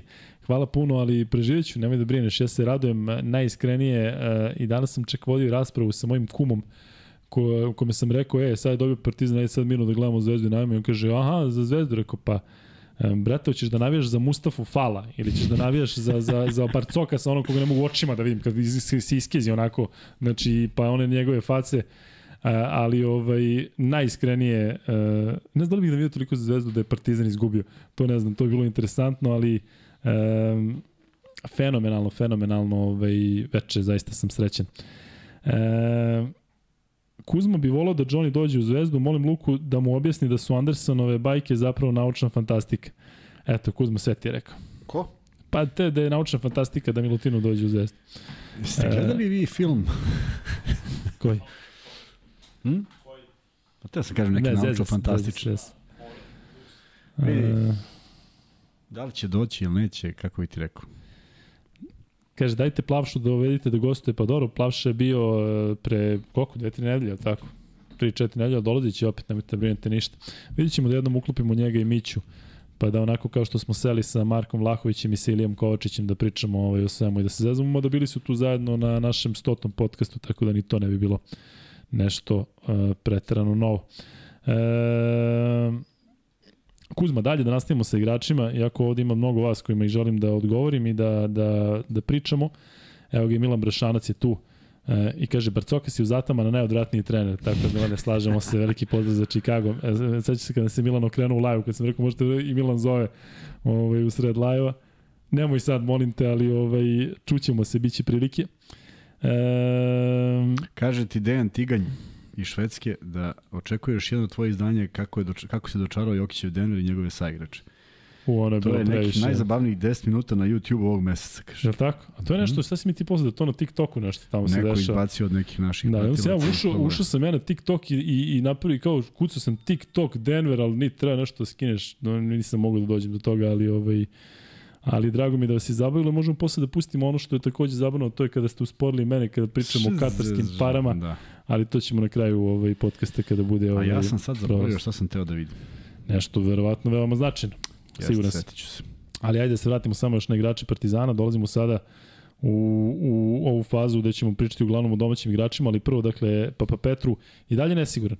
27 e, minuta, 5 poena, 6 skokova, jedna asistencija, šut iz igre 1 od 6, odnosno šut za 2, 1 od 6, 1 od 2 za 3, ali pogodio tu trojku, isto jako yes, bitno. i bitno je da je pogodio. I dobro je bio defanzivno. I bori se on sam sa sobom i da se nadam da će sve to biti u redu. E, nekako kada Partizan dobija, onda e, takve stvari manje dolaze do izražaja, dakle pa Petru koji nije na svom nivou, da. neke greške pojedinaca, tako da ajde da se nadamo da će da će igrati dobro, ne samo protiv Zvezde, dobro, pošto koliko se sećam, njegove dve najbolje partije su bile protiv Zvezde, prvo u ABA ligi i posle u Euroligi u porazima Partizana. A, znam šta sam hteo.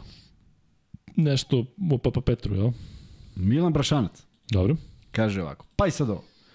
Supruga gazde mog stana je školska drugarica Vezenko i roditelja. Upravo mi je čovjek sad to rekao. A i supruga mu se bavi atletikom pre nego što došli u Čikagu. I on gleda zvezdu sa Vezenkovim. Sjaj. Sa saznanjem o tome komu je... Fenomenalno. Ko je tu u blizini. Eto ti. Vezenko, pričat ćemo o njemu kasnije. Ovaj, e, Vezenkov je za mene, razmišljao sam čas kako bilo dođu u Zvezdu i Partizan.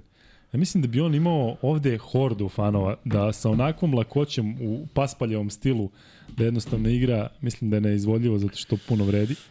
Ali eto, pritom brat Bugarin razume sve što pričamo, dakle bilo bi ovaj bilo bi vrlo jednostavno komunicirati sa njim i, i kažem, to mi u nekako u glavi. Gde smo stali što se Partizana tiče? Pusti me da hvalim Vezenkova malo. Pa, Šta ti, gde ćeš, žuriš nego? si. A ne voliš Vezenko? Nije da ga ne volim daleko. Ne voliš Bugare, jel? Ne, ne, da. daleko od toga, nego, ovaj, nego da nastavimo da smo stali.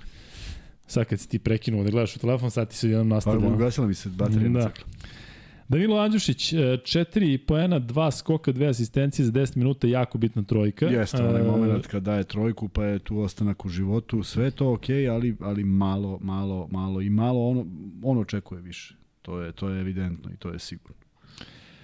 Um, Da, volao bih da vidim kako to izgleda, ne kažem, verujem Željko Bradoviću, ali kako to izgleda kada Andjušić odigra 25-30 minuta u Euroligi. Bilo je takvih situacija, pa je bilo neko ispadanje u odbrani, ali jednostavno mislim da bi ga možda jedna partija od nekih 20 ili 20 plus poena ozbiljno e, ozbiljno podigla i njega i Partizan, ali očigledno da je on prihvatio svoju ulogu u ovoj situaciji. Vidim da ima dobru energiju, recimo kada bodri igrači koji dolaze na klupu, vidim da onako nema, nema recimo taj izraz lice koji je imao kada nije igrao u Monaku, zato što tamo i kod Zvezdana i kod e, Saše kasnije imao neke oscilacije što se tiče minutaže, uglavnom ulazio sa klupe i nekako ovde mislim da je on prihvatio da u ovom trenutku nije da, da neka to, to. prva opcija, iako se sigurno nadao tome i kada je bio ovde kod nas.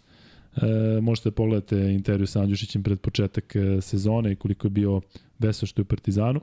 E, ali dobro. Što se tiče Smajlagića, ja Smajlija zaista obožavam, dakle taj momak ima energiju koja mislim da će tek doći do izražaja. E, vidi se da mu poneste snage kada igra onako više od 3-4 minuta u neverovatnom ritmu i, i, i u odbrani i u napadu.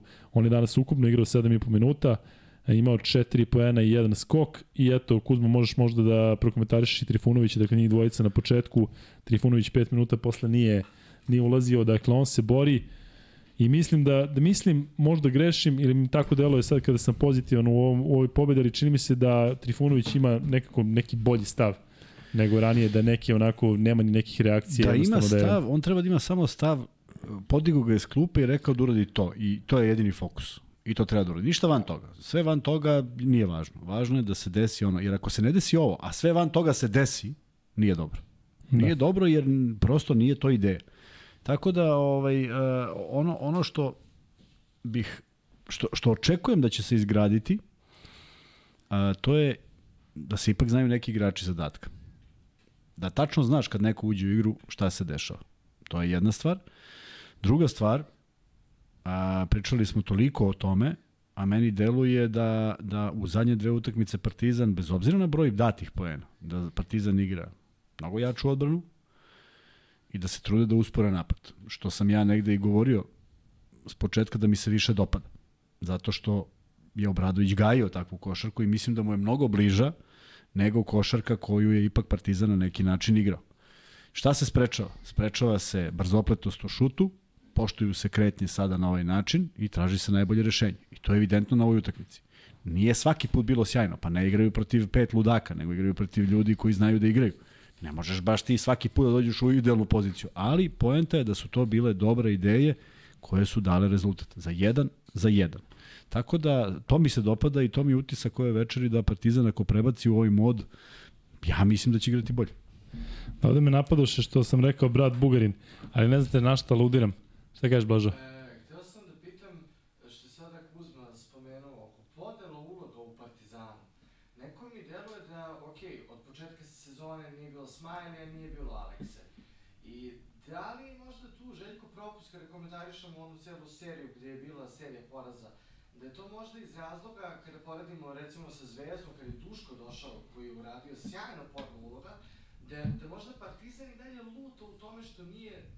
dalje uspeo dobro da raspodeli uloge ko šta radi u kom segmentu igre.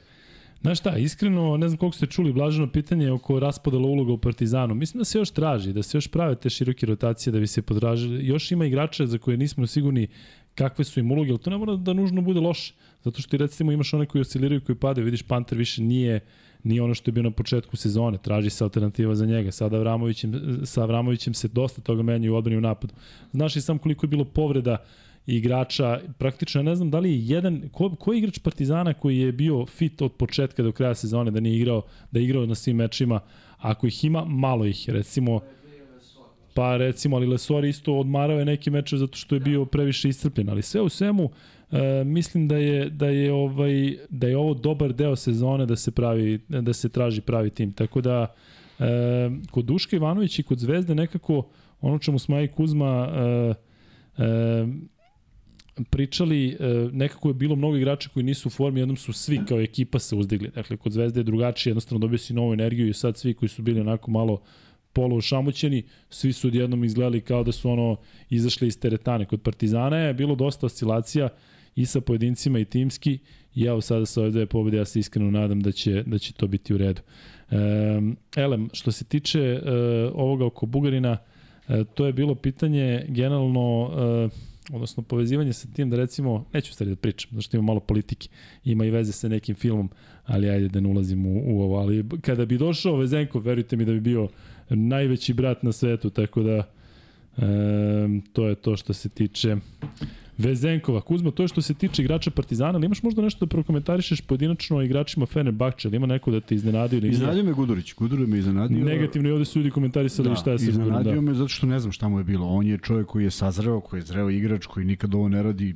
Da li on 0 od 8 trojke. Da li on želeo da pobedi ovu utakmicu sam, ne znam. Prosto, znaš, sve, sve ono njegovo racionalno što je radio i odjednom se pretvorilo ni u šta. A, mislim da i Tudis je imao, ima, ima, ima razloga ovaj, da bude ljut na neke sudijske odluke, stvarno se iščuđavao s nekim pravom, to nije sad naša stvar i ne bih voleo da je drugačiji rezultat pa da se ona iščuđava, to je prosto problem koji nosi sada Fener. E, nema pouzdane igrača kao što je imao e, s početka sezone od povreda i izostanaka pojedinih igrača. Wilbekin se vratio, ja imam mišljenje da je Wilbekin izuzetan igrač, ali za mene Wilbekin još uvek nije pobednik. On je meni isto što je Lorenzo Brown, oni su stalno negde 7. 8. 6. 7. 8. 6. 7. 8. 6. 6. 7. 8. Hmm. Ajde jednom, ajde jednom odvedi ekipu do nekog uh, Final Fora i tamo napravi nešto i onda ja kažem zašto Wilbekin? Zato što je majstor. Eto, to je to. Je to. Ovako on je jedan dobar igrač koji igra promenjivo, koji se vratio, dobro odigrao, ali nije očigledno za, za dužu minutažu. Pa mu je bilo mnogo danas, ili se de, Delo je se da u jednom trenutku, da, u jednom trenutku on izlazi, a pritom priča s nekim u, u klupi, u klupi, u publici, vrlo čudno. Ali to su to su ti pristupi i kažem njega skočani neki ljudi koji koji valjda da treba budemo objektivan pa ja mislim o njemu to što mislim i ne može promeni sad ništa. Ja mislim da on igra sa sa dosta mm, izraženim egom. i ja mislim da on voli da bude najbolji strelac i voli da bude vođa ekipe. Mislim da uživa u tome i da mu je nekako, moje mišljenje, vole bi da grešim, da mu je rezultat u drugom planu.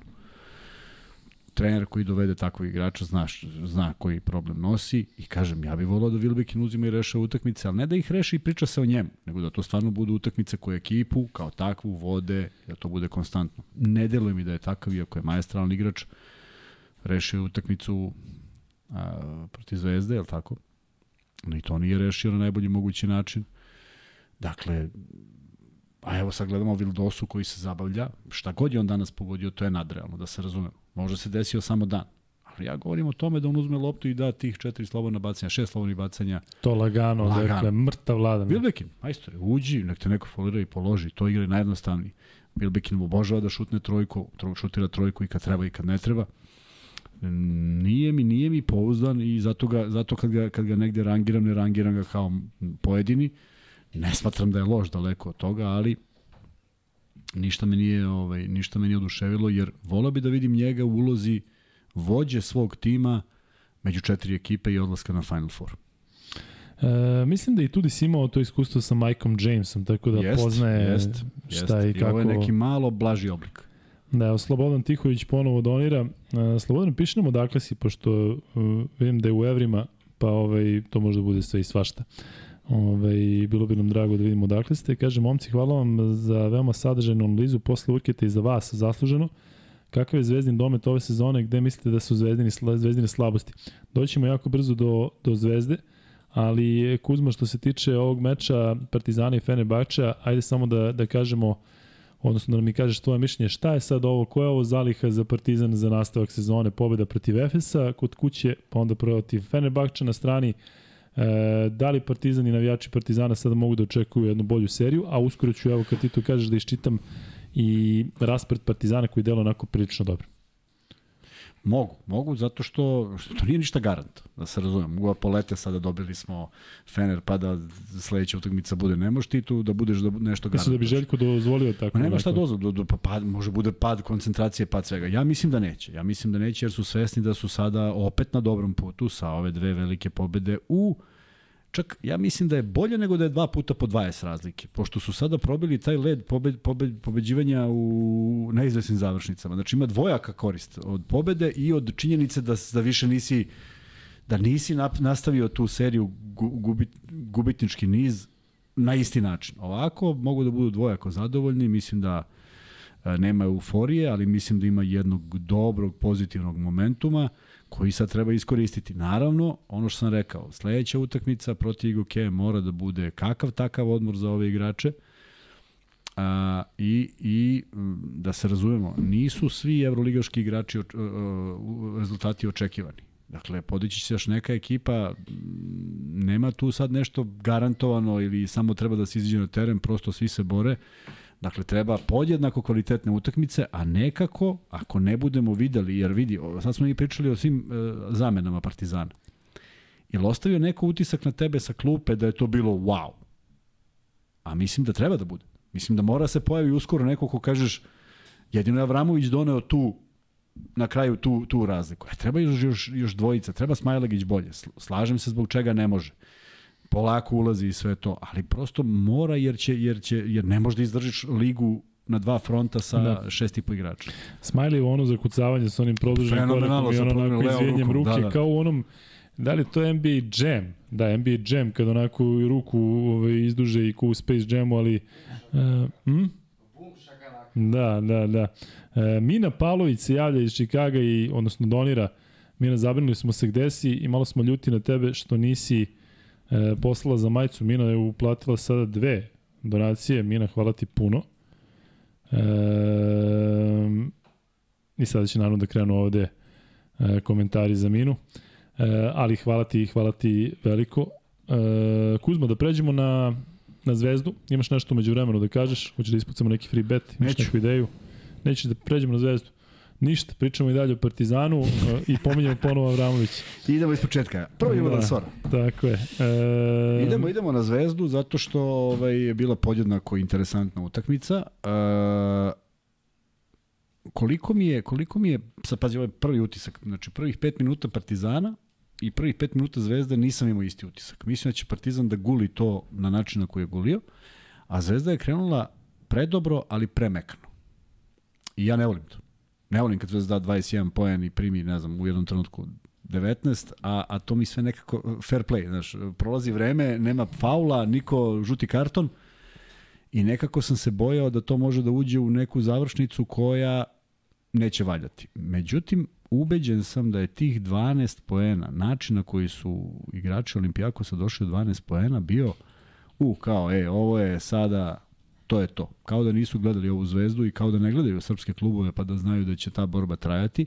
I mislim da su oni tu hteli da reše utakmicu. I pogledaj samo broj napada i opuštanje jedno, koje Zvezda jako dobro koristi i faktički od polovine druge četvrtine se sve nekako polako okreće, bez obzira što je Zvezda bila u zaostatku i bila u zaostatku. Ali kad je ušao Dobrić, to je sve nekako leglo. Vrlo bitni poeni, izuzetno fokusirani u tim pozicijama gde, gde, gde mogu da pohvalim na, da je ovo bila idejno šta je Zvezda htela u napadu, možda i najbolja utakmica. Ne samo zato što su dali 90 poena, a i zato što su dali 90 poena. Ne možeš daš 90 poena iz, iz 20 šuteva, prosto mora da imaš više šuteva da bi dao. Ali 49 poena u drugom poluvremenu. U drugom poluvremenu 49 poena. To je protiv Olimpijakosa na strani. Na strani. Pritom Olimpijakos koji zna da, da, da povuče ručnu u, u posle prvog poluvremena. Nisam video, da, ali uh, pretpostavio sam, proverili bismo. Mi ćemo pregledamo sve to svakako, tako da... Ovaj... Da, da, kako si video to? Gde mogu ja to da vidim? Pa napisala je verovatno ispod. Napisala je, aha. Nije, napisala je na drugi način. Aha, dobro. E, hvala Mina, puno. E, imamo bre iz Čikaga, imamo bre hordu ljudi koji pla, prate. Stavimo pol koliko vas ima u Čikagu. E, Kuzma, Hmm? E, obećao sam ljudima da ćemo da iščitamo, da ću da iščitam, da se vratim samo kratko na Partizan, na ovu na ovaj raspored. Dakle, Partizan dočekuje Bayern e, 29. decembra, Partizan igra potom protiv Zadra e, 2. januara. Potom Partizan dočekuje Monako, što će biti vrlo interesantna utakmica, e, onako baš jedan interesantan protivnik 5. januara. 8. Partizan Cibona takođe u Beogradu. Dakle, Partizan igra, e, posle Liga OK igra četiri meča u Beogradu. Što ja mislim da se sada namešta raspored da se popravi utisak i u ABA ligi posle onog poraza od Cedevite i u Euroligi da se uzmeš neke pobede. Onda gostuje Makabiju, što mislim da je dobra prilika da Partizan tamo slavi 11. januara i onda u tom duplom kolu dva dana kasnije ljudi, molim vas, dođite protiv Baskonije i dajte da taj meč dobijemo posle onih um, onih trauma iz, iz prve utakmice. Posle toga Partizan uh, dočekuje MZT Skoplje, dakle ovde stvarno se bi trebalo da bude jedna ozbiljna serija. I onda do kraja januara ću još iščitati da Partizan gostuje Valenciji i tu ima mm, onako motiva za revanš. Pa onda gostuje u studentskom centru, Dulatu Vujoševiću koji je tamo radi u klubu. I onda 27. januara Zvezda e, Partizan u okviru e, Evrolige. I posle toga još, e, pazi, od 27. januar Zvezda Partizan u Euroligi, 29. januar Partizan Mornar i onda 31. Partizan Asfalt. Tako da je ovo dobra prilika da se Partizan uključi u borbu za play-off, iako ima još dosta da se igra do do te prave borbe za play-off, ali ima, eto, ima... kasnije ćemo doći do, do rasporeda Zvezda, ali ajde sada ti komentarisao si često te rasporede, jer sad opet Partizan u dobroj fazi kada je ispucao sve te Reale, Barse ne. i evo i ovaj Fener na strani ludilo Ja, ja mislim da je Partizan, da je Partizan ovakvim pristupom mogu da ima samo bolji rezultat, bez obzira na težak raspored. Uh, ali ajde, sad šta je bilo, bilo je. Međutim, došao je raspored gde su oni preživeli, evo, ovo je jedna vrlo bitna stvar. Zato što ulaziš u lakši. I uh, mnogi su se ljutili što sam ja potencirao raspored, ali činjenica je da je Partizan na početku imao bolji raspored od Zvezde.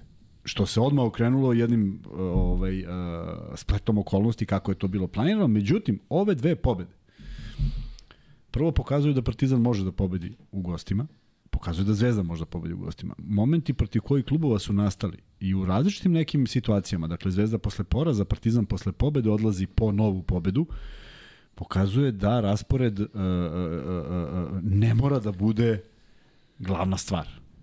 U smislu, naravno da iziskuje ako putuješ dva puta pa gostuješ u, u istoj zemlji kod dva najjača kluba da su tu manje šanse, ali i te neke stvari Partizan Zvezda su ispucali, što je vrlo bitno i ove dve pobede, to jest ova pobeda koju su ostvarili jedni i drugi, su zaista pokazatelj da a, će biti mnogo mesta na kojima će Zvezda i Partizan biti konkurentni u gostima.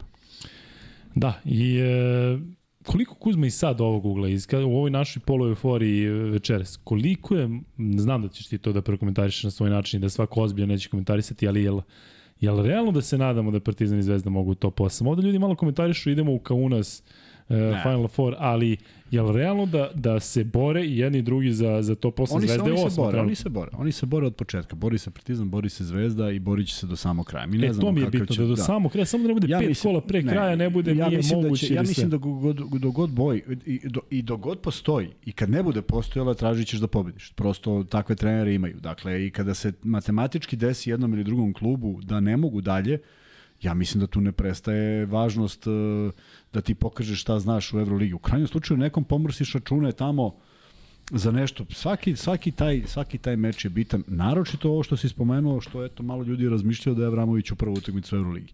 I šta sad on kao 34. kolo, zna se raspored, a on neće da odigra dovoljno dobro ili da pokuša da se pokaže, pa prosto nema nikakve logike. Tako da to će od njih tražiti treneri, ali samo bez euforije, zato što ja sam alergičan na euforiju. Ua, idemo, Mene već nervira što se ovoliko priča o Kampacu. Apsolutno se slažem da je čovek koji dolazi, ali šta sad? Svi će doći u arenu, u arenu, u Pionir u, protiv Barcelone. I šta kad ovaj baci loptu out? Šta će se desiti? Kuzma, mene su danas pitali za milion. Vidi ga bacio loptu out. Ne. Pa kako? Pa znam da neće, ali hoću ti kažem, očekivanja su potpuno ludačka. Čovjek je samo košarkaš. I dobra stvar, je što je mu ekipa pokazala šta može da uradi. Sad zamisli s kojim on nestrpljenjem želi da bude u ovoj ekipi. Zamisli da je to bilo neko prosipanje od 30 razlike i on razmišlja gde sam, gde sam došao. da, ali idealno da on debituje sad u ABA ligi. Mo igraće on protiv borca. Tako da. je, to je idealno, pa kako da ne, da, da se... uđe, da uđe. Evo, lepa je, lepi intervju bio sa o Mitrovićem.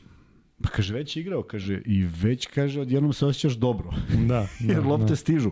On je klasičan asistent. On ako neće da ni jedan koš, on neće dati ni jedan koš. Nije nikakav problem. Možda Biće asistira. jako zanimljivo. Plati njega sa Vildosom, sa Nedovićem u kombinaciji. Vildosi daš Znaš. loptu u pravom trenutku i tu si već miran da je to dobra, dobra da. pozicija. A Nedović takođe. Šta kažeš? Misliš da jedno od, od ove dve jedno je opet od mine? Da, Mina, ne znamo sad za koga doniraš, ali Mina, ne znamo da li ti se pokvajalo dugme za donaciju, da pa moramo da vraćamo nešto ovaj, manigramom, a? Tuk, tuk, tuk. I opet za nas, Mina, divna si. Ej, bre, I Matija Milović je donirao, tako da hvala vam puno, ovo će biti jedno ozbiljno donatorsko veče. Daj, daj Bož da Zvezda i Partizan ovaj, eh, dobijaju non stop. Ova dva od 20 su za vas, a 50 za malo. Si čuo Kuzma, ti pratiš to. Znači Mina je dala 20-50-20. 20-20 za nas, 50 za, za Uroša. Bravo, svaka čast. E, idemo dalje sa, sa pričom uh, o Zvezdi Olimpijakosu. Ajde još malo Kuzma o suđenju. Ajde. Uh, koliko su sudije večeras uh, uticale na utakmicu? Ne na ishod utakmice, nego na utakmicu. Sa onim video čekom, sa, opet, sa, sa ponovo nekim, nekim ludilima uh, Jednostavno, ima ih trojica, deluje da ne drže situaciju pod kontrolom. Deluje mi čak da nema, u, uh, sada poredim sa Zvezd, uh, i meč Partizan, Fenerbahče i Zvezda Olimpijakos, da nema bar jedan koji je siguran. Pa ti vidiš, on se ističe, pa on barem, znaš, drži sve pod kontrolom, nego non stop zove ovog, ajde da se klostimo. Pa idemo ovaj rad. Ovo kad vidim, da, kažem ti, one da. prste... Gledaj, da prvo smo gledali faul Stefana Markovića nad Slukasom. Kad ga uhvatio za lakt I sad gledaš i glupo ti da kažeš da je faul, a priori, što sad mi da tu nešto potenciramo, iako svaki normalan čovek... Nije blizu lopte, a on iza njega da, metar. I oni pokazuju da je faul. Regular. Ajde, dobro. Onda imaš na kraju Vildosa koji hvata, hvata posljednju loptu i hvataju ga za vrat i za leđa, nema ništa. Onda imaš onaj faul nad uh, ovim Larenzakisom Lazića, koji, koji ne možeš ne možeš u Autoshopu, u Photoshopu ne možeš da ga izbrišeš, ne možeš. Ni u Autoshopu, ni, ni u Autoshopu naročito. Ni. E, i, i, i sada ubedete da je to bilo tako, a ja to ništa ne razumem. I e, naravno da jesu uticali na rezultat, uticali su više na nervozu nego što su donali možda tu neku odluku koja je A, ali prosto je sporazno da mi gledamo snimak u kojem vidimo da ne, dosu, da ne dosuđuju ono što, što, e, e, što, što bi trebalo. Ajde sad i mi da grešimo. Da mi ne znamo šta bi oni trebalo da osude, ali to onda znači da stvarno svaki sudija ima svoj kriterijum, što je nemoguće. Prosto Zamisli da treba da igraš protiv Barcelone i ti pitaš, ej, izvini, ko dolazi da sudi? Oni kažu ova trojica, u kao dobro je, znaš, tu možemo da... Ili ovo je dobar, tu, a ova dvojica, a da. Tu možemo kao da skačemo. I onda što je najgore, njih trojica ne vide neke stvari. Ne možeš da ne vidiš da je ovaj bio van terena kad je primio loptu. A, e, samo digresija da se vratim na Partizanovu utakmicu. Verovatnoća. Ono je Adams koji ne deluje kao da je svoj.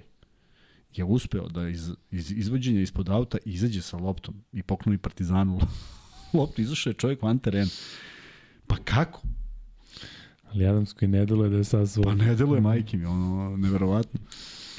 Um, Tako da, smetale su mi sudije kao što će mi uvijek smetati, ovaj, zato što mislim da previše utiču na, na rezultat i mislim da postoje tu pravila koja mi, nažalost, ja ih bar ne razumem. A, Kuzma, stalno kritikujemo sudije s pravom, ali ajde da ponudimo neku vrstu rešenja. Ja ne znam, evo, kažem ti da evo, počnemo sada da pričamo o psiholozima za sudije, ovo što je Trulić pričao, da ne, sedne da kaže, vidi, ja imam neke bubice u glavi, ne mogu se spojim, daj da... Naš, evo ga, evo ga, šta je, koja je utakmica pre Armanija? Zvezda? Gde? U, u Euroligi? Da. Šta je bilo pre Armanija? Šta je bilo Barcelona? Šta je bilo pre Armanija? Pre Armanija, da. Šta je dobila Zvezda? Uh, Sudijski da trojac sa onim crncem u, u timu, koji su autoritativno donosili odluke. Znači, za šta god bi se bunio, ima, ima argument. I nisu gledali snimak ni jedno. Samo su gledali, aha, protiv, protiv ovoga, uh, protiv Fenera. Protiv Fenera. Ne, nije protiv Fenera, nije sigurno. Zvezda izgubila tamo 15 razlike sa Jovanovićem. E, S kim su igrali? Na strani ili ovde? Ma, ovde su sve igrali, pre utakmica pre Armani. Asfel, Asfel, nije Asfel. Nije ni Partizan. Da, nema veze. Ovaj što je dodao, što je dodao Vildozi u ruke loptu. Žalgiris. Žalgiris. E, da, da. nisi ih primetio.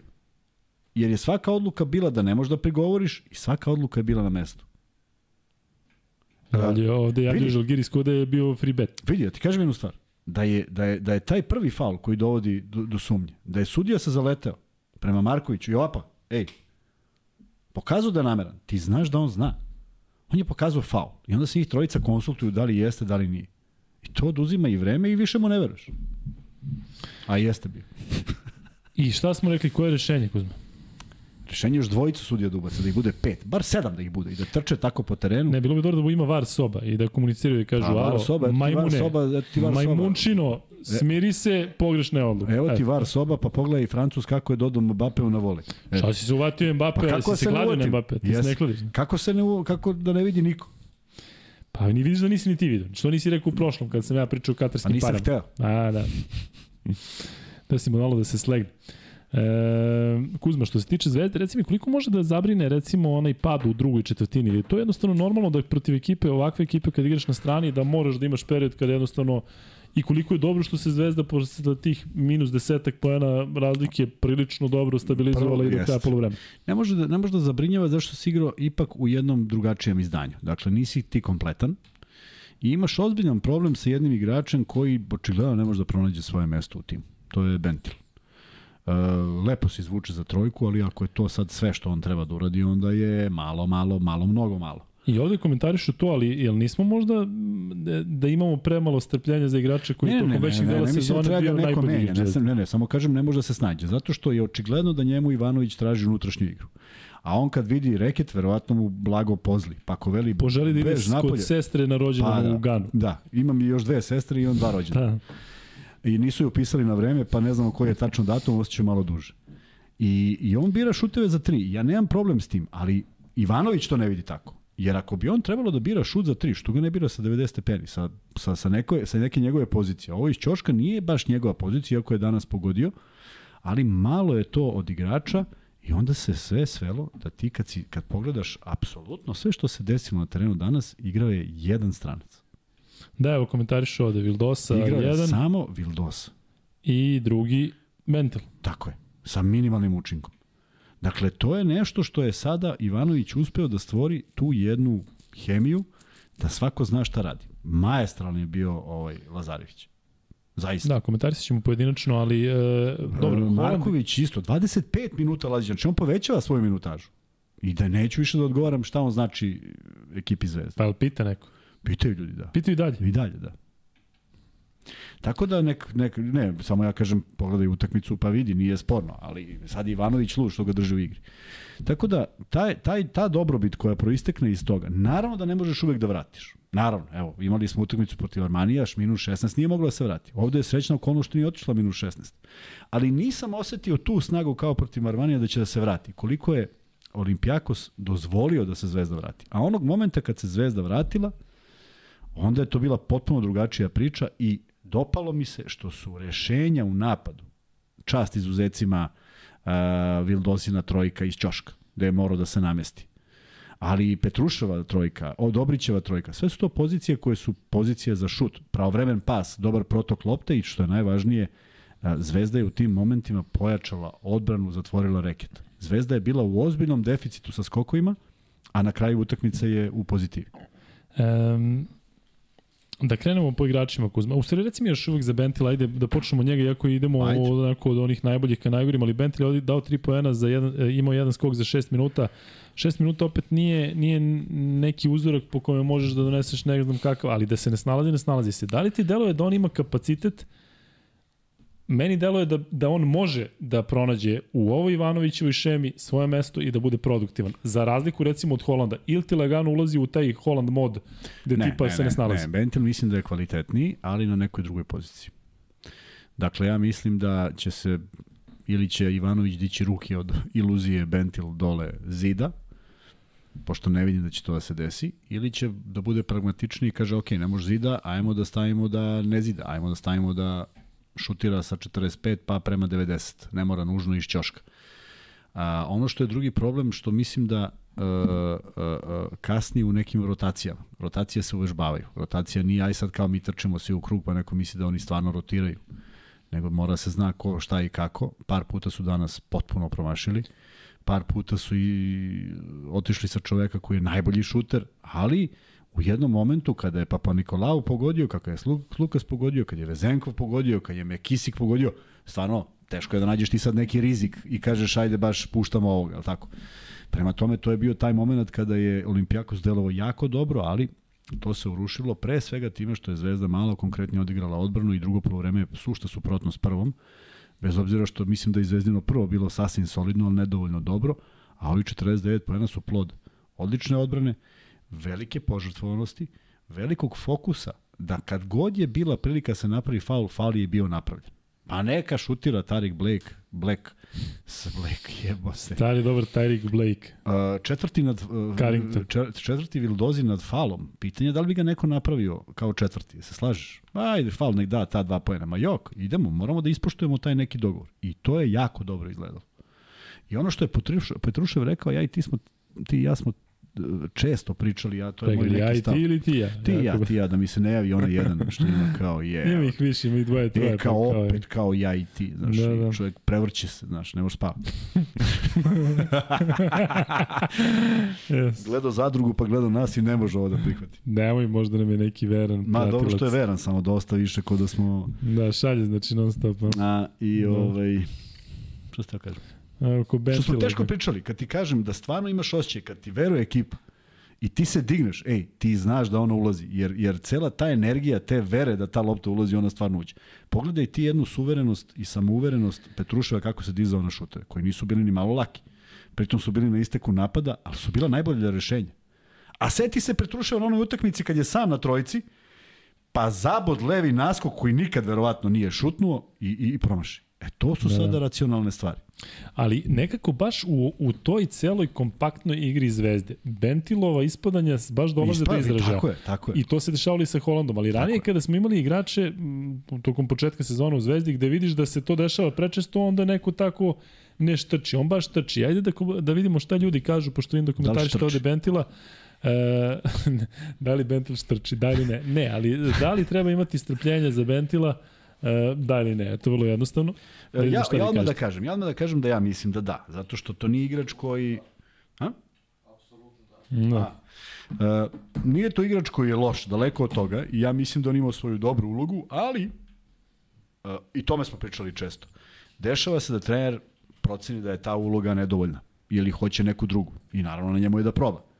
Ali ja mislim da je ovo već mnogo više probanja i kad vratiš film, sve što se probalo sa Bentilom, ili je u post-up igri postizao poene protiv nižeg, znatno nižeg igrača, redko protiv nekog svog, svojih gabarita i visine, ili se izlačio na tri. Ajmo onda da ga upotrebimo da ga izlačimo na tri iz prirodnih njemu pozicija, da ne mora da ulazi u taj reket, ali prosto, kad ti fali Martin, kad ti nemaš Kuzmića koji je bolestan, pa kako izgleda da sad i on igra s polja? Pa ko onda? Petrušev i, i, ovaj, i Luka Mitrović, da budu najjači, pa čekaj bre čoveče, izgledaš ko, ko, ko dva Mitrovića. Znaš, ja mislim da je to ideja da se onda očekuje neka takva igra. Ne zato što je on majestralno u tome, ali mislim da bi trebalo da to, da to po, poboljaš. E, znaš šta mi je onako najveći plus kod Zvezde sa Ivanovićem, ono što mi se baš dopada, to je da i odsustvo Martina i odsustvo Ivanovića se uopšte ne osjeća. Dakle, dobro Martina je, uh, i Ivanović. Aha, aha. Dakle, Ivanović kako se povredio da. i kako je držao onu zaista neprijatnu povredu. Da, da, da, ozbiljnu uh, povredu. Jest. I Martin, dakle, ali jednostavno popuni se to jako tako lako. Je, Kompel, Kod Partizana su vidljivije, te kada je, neko fali, je, pa fali, pa šta ćemo, ajde odmah da dovodimo nekoga na toj poziciji. Tako je, moraš da kompenzuješ. Ti moraš da kompenzuješ. I mnogo dobro se rotira, imaš više igrača koji mogu da na različitim po, pozicijama. I ti si, ti si Lazarevića danas stavio na jedan izazov da ima mnogo više zahteva pred njim, je li tako? Da, da. I nije bio više samo Lazarević koji radi jedno, nego je sve radio. I jako dobro su rotirali. I jako se dobro držao Vezenkova. I pravio faul i dalje ono što mu je posao, da napravi faul. Ali, ali Petrušev nije navikao na takvu odbranu. I pogledaj, dva puta Vezenkov šutira kad je kod njega, kad je Petrušev na njemu. Ma to mora bolje jer si ti još brži. Ti si brži od Petruševa i viši od, Petru, ovaj, od, ne od Petruševa, od Vezenkova. Ti moraš da priđeš još bliže. Dva puta je dozvolio da bude tačno pola metra. Ovaj kako je primio, tako je palio, to su bile dve trojke. Tako da to se stiče. Znači ja ne mislim da je Petrušev to mogao da zna. On je možda sad testirao nešto, pa ovo mu je možda prvi put igrao protiv Vezenkova, je li tako? Da. Sad znaš koliko brzo. Hoću u revanšu da vidim da ne šutne. Nek te obiđe. Nek krene u neku neizvesnost. Nije Vezenkov, skoči pa prebaci iz desne u levu, lebdi, pa se podvuče, pa ga ubaci. Ajde da se ne lažemo. Dakle, on čovek vrlo ovaj, u jednom smeru ide kad ide. Ali ajde da, da mu smanjimo rizik trojke, to ga hrani, tu je savršen. E, Kuzma, da krenemo po igračima i da krenemo od Vildose koji je danas bio zaista majestralan. Mm. Jedi reci mi, pitaju ovde kako udare to se emotivno u, u kabini. Po danas je bio genijalan. Kaže šta kaže? Bez nervoze uopšte. Bez nervoza, a u da. time-outima, jel... Ne, ne, ne, baš je bio i mnogo lepo ispratio sve to što je Zvezda stizala, baš mi je bilo onako super, super atmosfera u, u ovoj Ja i Dare smo imali jedan... U slačionici. da, u slačionici, da. u kabini. E, ja i Dare smo imali sada, odnosno imao je sport klub jedno okupljanje e, što je organizovao naš kolega, gde smo imali bilijar, stoni tenis, e, pikado i sve. Ja i Dare smo zakačili na stonom tenisu, pa ja mislim da smo igrali jedno dva i po sata u, u, u cugu. I odigrali smo jedno desetak vrhunskih partija stonog tenisa. I oduševio sam se kako igra i koliko je sve to bilo ovaj, neizvesno i koliko je bilo zanimljivo, zaista jedan El Clasico teniski, ali ono što mi je najzanimljivije su reakcije, ne samo e, njegova, nego i moja, ti ne možeš da veriš koliko smo se mi drali i koliko je to dobilo, znači i onda me podsjetilo da ima takve reakcije kad hoće i da baci i da slomi i da ne znam šta, što si ti pričao da ima i u i u kabini.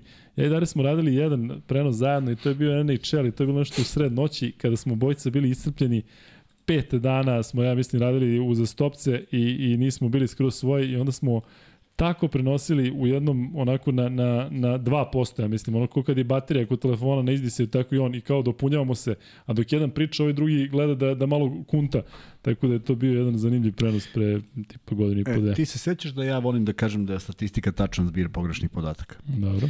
I pogledaj šta je potpuno neverovatno na Zvezdinoj današnjoj statistici. Ajde.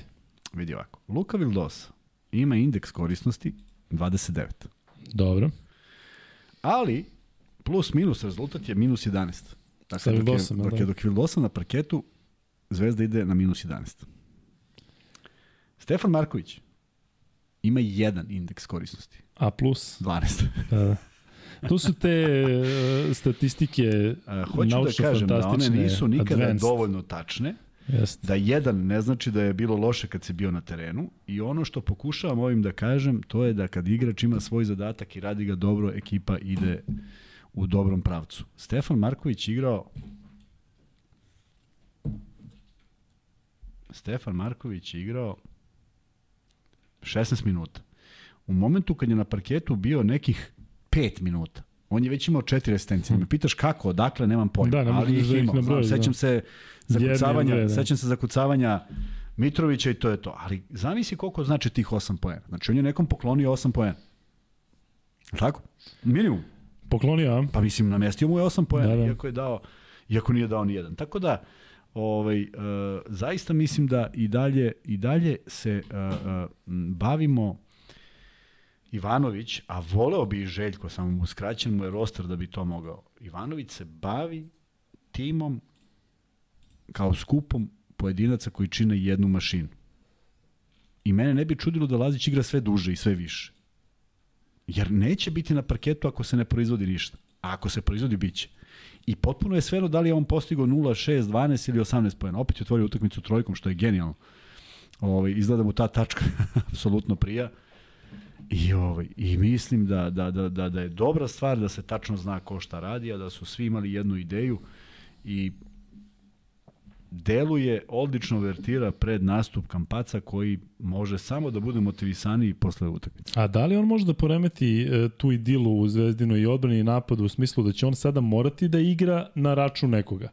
Dakle, Ko? on će, Kampacu i morat će da uzme nečije šuteve, Dobro. a nekako mi delo da u ovom trenutku je svako na onom tačno uh, broju šuteva i minuta, sve delo je, ajde da kažemo, onako baš harmonično. Taj Kampacu ne može da igra, ja mislim, 12 minuta u proseku, on mora da igra 20 neka minuta. igra, neka igra, ali evo samo uzmi, samo uzmi šuteve koje Nedović morao sam da smisli, koje Vildosa morao sam da smisli. Evo samo te dve, samo ta dva igrača. Pa uzeli su bar osam šuteva koji su iznuđeni. Iz nekih kretnji koje su krajnje sumnjive. Zamisli kad bi ti neko servirao na dobroj poziciji dobar pas, pa to je mnogo lakše šut. Šutni osam takvih, vidiš koliko je to drugačije kad ti neko servira. A Kampaco mislim da će upravo to da radi.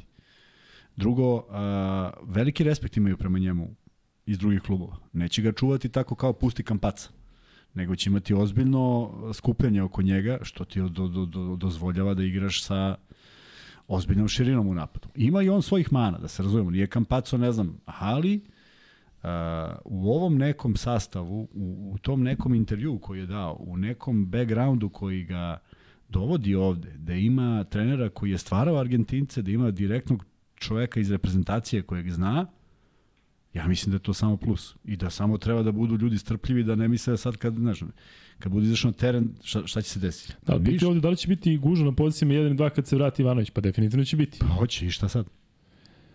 Misliš da neće narušiti nešto u timu to što će neko morati da ispadne? Mislim da će narušiti samo taj koji će da ispadne samom sebi ako je, ako je ispao zato što je narušio. Da. Pa Inače, ne, čini mi se da niko od tih momaka nije neko evo, ako, koje... ja mislim, ja mislim sad kad bi neko došao i mogu matematički kaže i kaže Stefane, vidi, Pefi, majstore, slušaj, igraš još 12 utakmica do kraja ukupno. A on bi rekao, piha, Pa zar ne? da mi ne bi rekao, materajte se, bre, ne, bi, pa ne bi, zato što, Šalim pa se, da, zato, što je on, zato što je on vojnik koji će da uđe. On danas ulazi i igra. Sledeće ako ne bude ušao, šta mi da će on da radi? Da dođe da drami neko? Da psuju slučajnice. Da, da, da, kao da nisam igrao. Stvari. A to je to. Dakle, uh, uh, Lazić, Lazarević, uh, Marković, apsolutno poverenje trenera imaju, ima Dobrić. Ja, ja ne znam šta je njemu Ivanović pričao, ali način na koji on ulazi u igru i kako ga bodri. Ti vidiš da nema trunke onog da ti spusti samopouzdanje. Ali misliš da mu išta pričao ili je to ta energija koju jednostavno donese ja čovjek da s... i kaže ti brate šutiraj ja mi, ti si e, car upravo to, ja, mi, ja mislim ja bih volao da ja bih volao sa njim sad kao dođe Dobrića, pola kaže šta je, ali ja mislim da on rekao majstore, uđi, igraj, kad si sam, odigraj ovu akciju, kad je primiš opal. I to se i desi. Da, da. E, evo kaže ovde, uzići šuteve Stefana Markovića kada svi pomisle da je bolje da ne šutne. da, pa moguće. Pa dobro, eto, e. mogu. Pa šta misliš, da je Stefan da nije ostao sam, da bi da, na isteku napada, da bi šutnuo? Pa ne bi. Da, da. Ali nema prosto bolje rešenje. E, fali nam još e, jako malo da imamo 3000 live. Pazi, od 2951 u live. Pa daj Bože da pobeđu Zvezdi i Partizan svaki, svaki ovaj, ovako da se, da se namesti. Elem Kuzmo, moramo da nastavimo sa igračima. Dakle, Vildosus je manje više prokomentarisao 22 pojena, 4 skoka, 8 asistencija.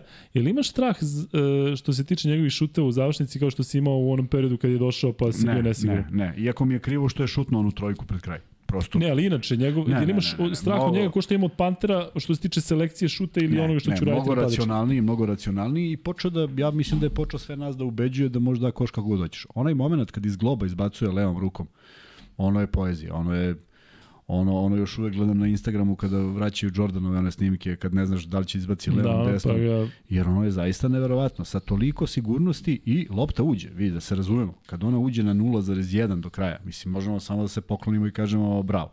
Uh, ona trojka koju je dao sa sve čovekom na leđima, ja mislim da je Vezenkov skakao pored njega, to je takođe umetnost. Uh, onaj faul oko koje je bile polemike, ja uopšte ne znam šta je bila polemika oko onog faula uh, Papa Nikolau.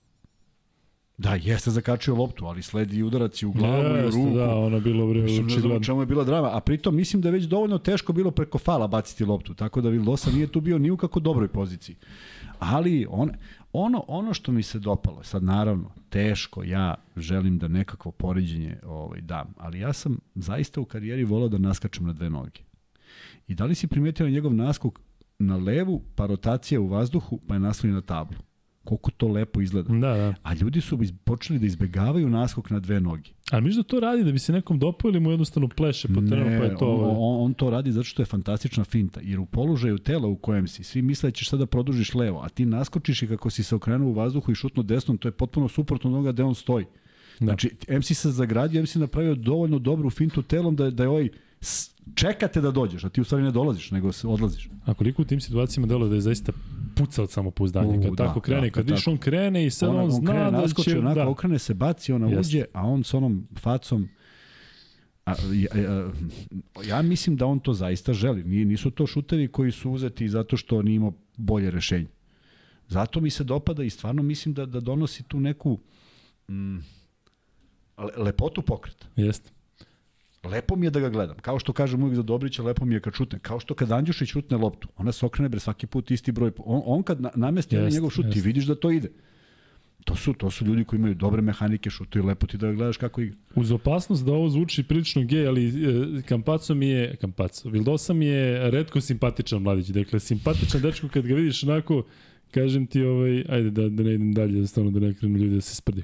E, Milan Pavlović je donirao i kaže Kampaco nije shoot first igrač, Marković će redukovati minutažu, a do povratka Johnny ima dosta. Ma da. Njegovo je da spreči prazne minute zvezde koji su trenutno realnost, razigraće Petruševa na maks. Sigur. Slažemo se Milane, ali što misliš Kuzmo, će više e, profitirati dolaskom Kampaca Mitrović ili Petrušev? Nema to nikakve veze. On će, on će nesebično deliti. Ja mislim da će Petrušev da nauči jednu novu veštinu, a to je on i Eliup da skače, jer će to sigurno biti jedna od ideja, s obzirom e, pa da, da onako, to Mitrović je teško to u toj meri. Tako? Mitrović teško i ne treba, ne treba da pokušava. Da, da.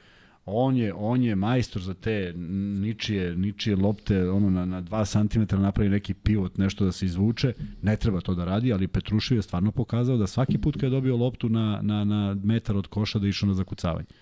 Tako da će ovde dobiti samo još jednu dimenziju u igri, Ono što će dobiti takođe, verujem, e, nesebičnog igrača. Neće ići Kampaco preko fala na polaganje, ako mu je čovek u vidokrugu na šutu, i onda nek se spreme za bolji šut. E, ja jedno čekam da vidim kako će Kampaco i Mitrović igrati 2 na 2. To je nešto u čemu ću ja uživati zato što mi deluju zaista kao, kao onako baš uh, dobar fit.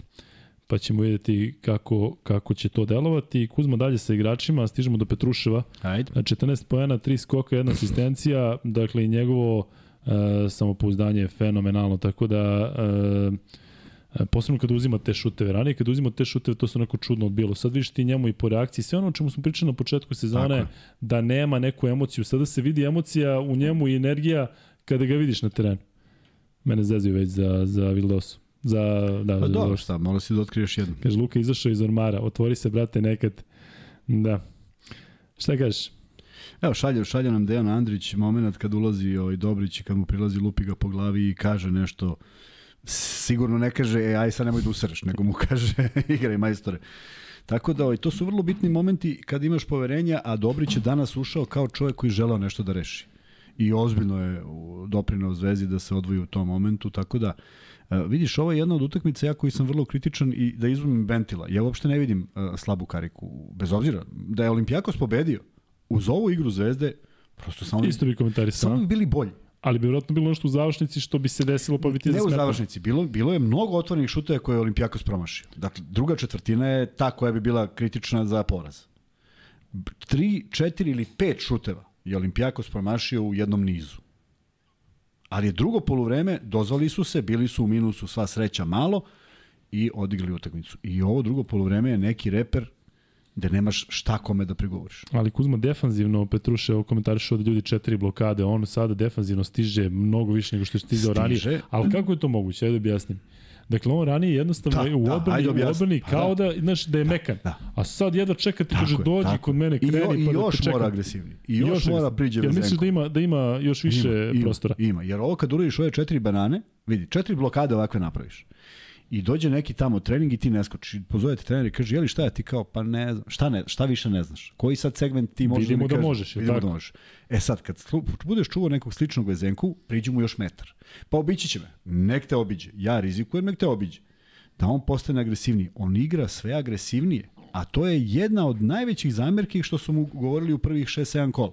Da nema tu energiju. Odjednom samo on ima energiju. Ona Mekisikova nije ni došla do koša, on je, on je lupio rampu. na ivici. Što je bio faul, što da. je bio faul. Ali na to ne bi... se priznaje tu blokada? Ne priznaje dakle, mu se blokada, ali nije, ali je faul. Posle faula da, ti se ne, ne priznaje se blokada. Ali hoćeš ti kažem, znači da ima pet ta lopta ne bi ušla. Ta lopta, da, da nije bilo da, da faul, da nije, ta lopta ne bi došla, do ovaj bi skinuo i metar dalje. Tako da ovaj, mnogo mi je lepo kako je, mnogo mi je lepo. Da, ide, mnogo gej, gej, gej podcast. Gej, Meni je drago kako je odigrao. A mnogo mi je lepo. I nadam se da će imati takve mišići u budući. Da, da, da napravimo potpuni haos. Dajte mimove što se tiče ovog. Inače, momci koji se bave onim majmovima da, mimovima su zaista hvala svima, jest. Prethodnih, prethodnih dana, a i mi smo im dali ovaj... Šlagvorat. E, dali smo im materijal za tako nešto. E, Strahinja Tasić je donirao i kaže, ako Kampacu bude mogao da igra na nivou na kojem je Vildosa Zvezda napravila sjajan posao. Ja mislim da je Zvezda napravila sjajan posao kako god i da je nemoguće da se one uklopi u Zvezdu sa Ivanovićem kao trenerom. Tako da će to biti, biće jako zanimljivo da pratimo e, kako recimo Vildosa i on e, imaju zajedničku tu energiju na terenu. Ono što će meni biti zanimljivo je da vidimo te argentinske zastave, šta će smisliti navijači i zvezde što se tiče podrške jednom i drugom. Ali ono što ti kažeš kroz taj intervju i kroz one neke njegove izjave, zaista se vidi da je momak presrećen da. gde je došao, kako je došao i I eto, mislim da on jedva čeka da igra, a da je jedan od tih igrača koji može mnogo, ali koji ipak živi živi na nekom na nekoj energiji. Ti njega da sad staviš lupam, sad stvarno lupam, da igra recimo u onom Prometeju koji nema publiku ili da igra recimo e, tokom korone u praznim dvoranama, zaista nisam siguran da bi to bilo ovaj, na nivou na kojem je inače. E, idemo dalje. Kuzma sa igračima. Sledeći igrač koji je danas odigrao takođe jako dobro je ko? Ajde, pogađi. Šta, ko je pogađao? Ne, nego slušaj samo ovo kako su raspoređeni zvezdini pojeni. 22 Vildosa koji se izdvojio, 14 Petrušev, 13 Mitrović, 12 Dobrić, 12 Nedović. Ali ajde krenemo od Mitrovića. 13 pojena, 7 skokova, dve asistencije, 5 od 7 za 2 Mitrović na svom nivou. 7 par izgubljenih lopti koje je imao onako u jedno već u prvom skoku. Ima četiri, da, četiri, to je danas U prvom mnogo. skoku pa proda loptu u drugom. Dakle, Ali njega to nije padao posle nije, nije, toga. Nije, nije, smislu, padao, da. nije padao. I to su bili zaista neki momenti da on traži da se oslobodi udvajanje, ne vidi s Lukasa pa mu on izbije loptu. Ali treba bude oprezni. Dakle, eh, on kad bi sveo samo, ne možeš da svedneš na nula. Ne, može, ne možeš da imaš nula u toliko lopti koje si dobio, prosto mora se potkrade neka greška, ali sve je bilo izuzetno, izuzetno dobro se borio, izuzetno na vreme pravio faulove, dakle kad je video da ne može da blokira fala pre svega, pravio je korektne faulove, tako da apsolutno ovaj, vraća se u onu prepoznatljivu formu i kad bi on bio tako konstantan, a mislim da može, tu ne treba više ništa. Ne treba, ne treba dodaje ništa. Samo to. E, pitanje za Kuzmu, da li da li mišljenje da bi Zvezdi najviše legao Austin Hollins pod uslovom dode Holland? Molim za odgovor, hvala lepo. Ne, to bi sad već bila, ne, vidi, to bi sad već bila ozbiljno, ozbiljno gužvanje. Ja uopšte, na primjer, u povratku Ivanovića i sad u, toj, u tom, u svim tim playmakerima sa Nedovićem i sa Vildosom na dva, sa Dobrićem na 2, sa le, realno uh, Lazarevićem na nekoj poziciji 2, 3, ja ne vidim da uopšte bilo ko treba. Tako da Austin Hollins... Niko da ne treba, ni Davidovac, ni Jagodić, Kuriž, ni Kalinić, sad ti niko četvorke, ne treba. pa ne treba niko. Ne, onda će biti gužva. Onda ti mora da izmisliš. Da. Pazi, danas Holland nije igrao. Kome bi Holand danas uzao minutažu? Evo reci mi, koga bi ti sad ubacio? Ne bi ubacio, ali recimo da Lazarević je možda kiksirao ili nešto. Da ali nije pa kiksirao, koga bi, šta je, sad ti imaš, krenuo si s ovom idejom i to se tako odvija i ti sad imaš Holinsa na klupi, što bi ga ubacio? Iz kog razloga bi ga ubacio? Da pojača šta? Pa da odigra svojih 5 minuta, možda pa i mora, ja trojke. mislim da Ivanovića ne zanima da tu neko odigra neke svoje minute, nego ga zanima da proizvede Ali, nešto znaš, dobro. Ali znaš, pričamo ja i ti i generalno se pominje to da Holand ide da ide. Ja ne mislim da ne treba da ide niko. Pa ne treba, što, što će Zvezdi trebati da igrači i taj Raduljica i to. Oni će svi dobijati svoju šansu sad ovim mečima koji idu posebno u ABA ligi, a bit će možda potrebno, ne daj Bože, ako bude nekih povreda. Dakle, uopšte nisam za bilo kakva opuštanja, otpuštanja bilo koga, ni u Zvezdi, ni u Partizanu. Se slažeš? Da. Nema potrebe. Što ti, što ti kažeš često, mi ne znamo kakvi su tu ugovori, da li treba se plati da, nešto ili sve. Kao pustiš ga. Kao... Da li je Holand na nivou ispod onoga što smo očekivali? Definitivno. Ali ono što je sigurno, ima vremena, ima prostor da se popravi, ima utakmica, pregrš, tako da e, ja mislim da, da bi Holanda, isto ono što sam rekao iz Andjušića, da bi ga recimo jedna partija od nekih 17 pojena, da bi ga podigla u toj meri, da bi on prvo sam sa sobom rešio da može da igra na ovom nivou, pa je onda sve drugo, sve drugo ovaj, kako treba. Recimo ono zakucavanje protiv Bajana, ja mislim, preko Lučića ili nekog, ne znam šta je bilo. Ja sam mislio, to će sada ono kucanje, cela dvorana gori, on jadan sledeći napad već e, završio s loptom ne, nešto, nešto nedostaje, ali ajde da verujemo da će da se, da se poboljša. Mm, da. Mm, Kuzma, nastavljamo sa igračima. Sledeći košarkaš je jedan od tvojih omiljenih. Inače, to je Ognjen Dobrić. Već si malo komentarisao, ali ajde opet. Da, ušao i on imao par izgubljenih lopti i onda onaj nameran faul koji opet nije bio nameran, ali mislim da su, da su tu sudije dobro presudile. Kad je Sluka su izbio onu loptu, da, povlačenje, ne povlačenje, mislim da je tu sve bilo manje više čisto. Ušao je nesigurno, a onda kad se vratio igru posle ovog lupkanja što su mi poslali ovaj, gledalci, kako ga bodri da uđe, on je dao bam, bam, bam, bam, još promašio ono zakucavanje, iznudio faul, dao bacanja, sve što je uradio u tom periodu, a mislim da je 10 poena ili možda svih 12 veza, veza u tom trenutku je bilo za svaku pohvalu sa mnogo fokusa, bez ispadanja u odbrani, baš, baš, baš kako treba.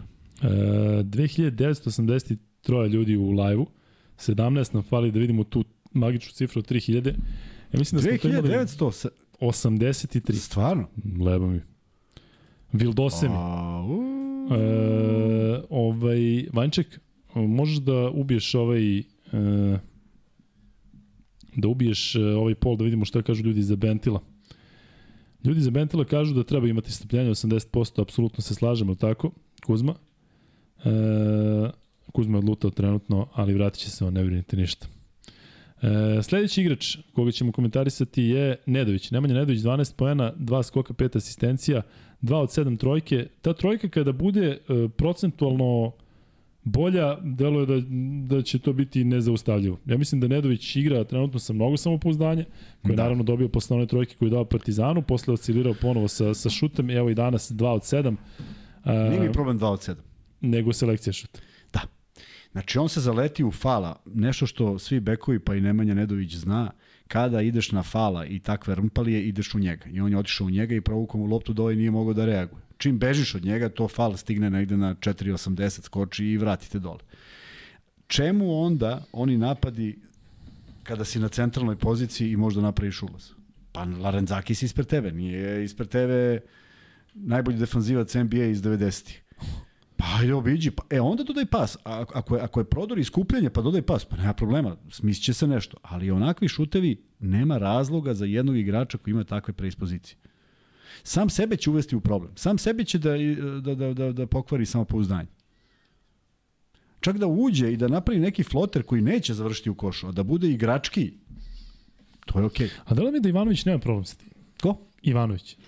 U smislu da, da, da recimo protiv Cibone bila ta situacija kad je dao trojku pa ga izvukao zato što nije to, ali ne vadi ga Jeste, posle trojke. Ali, ali sam si ga rekao, primetio si jedan moment kad kaže pa što si šutnuo sa 7 kad može sa 6. Tako onda, ali samo nema reakcije u smislu da nema, se nešto nema, bacaka ili... Nema zato što je vrlo, vrlo bitno i vrlo je pragmatično. On zna da sada nema tu sad nekih alternativa, ne znam koliko, je li tako?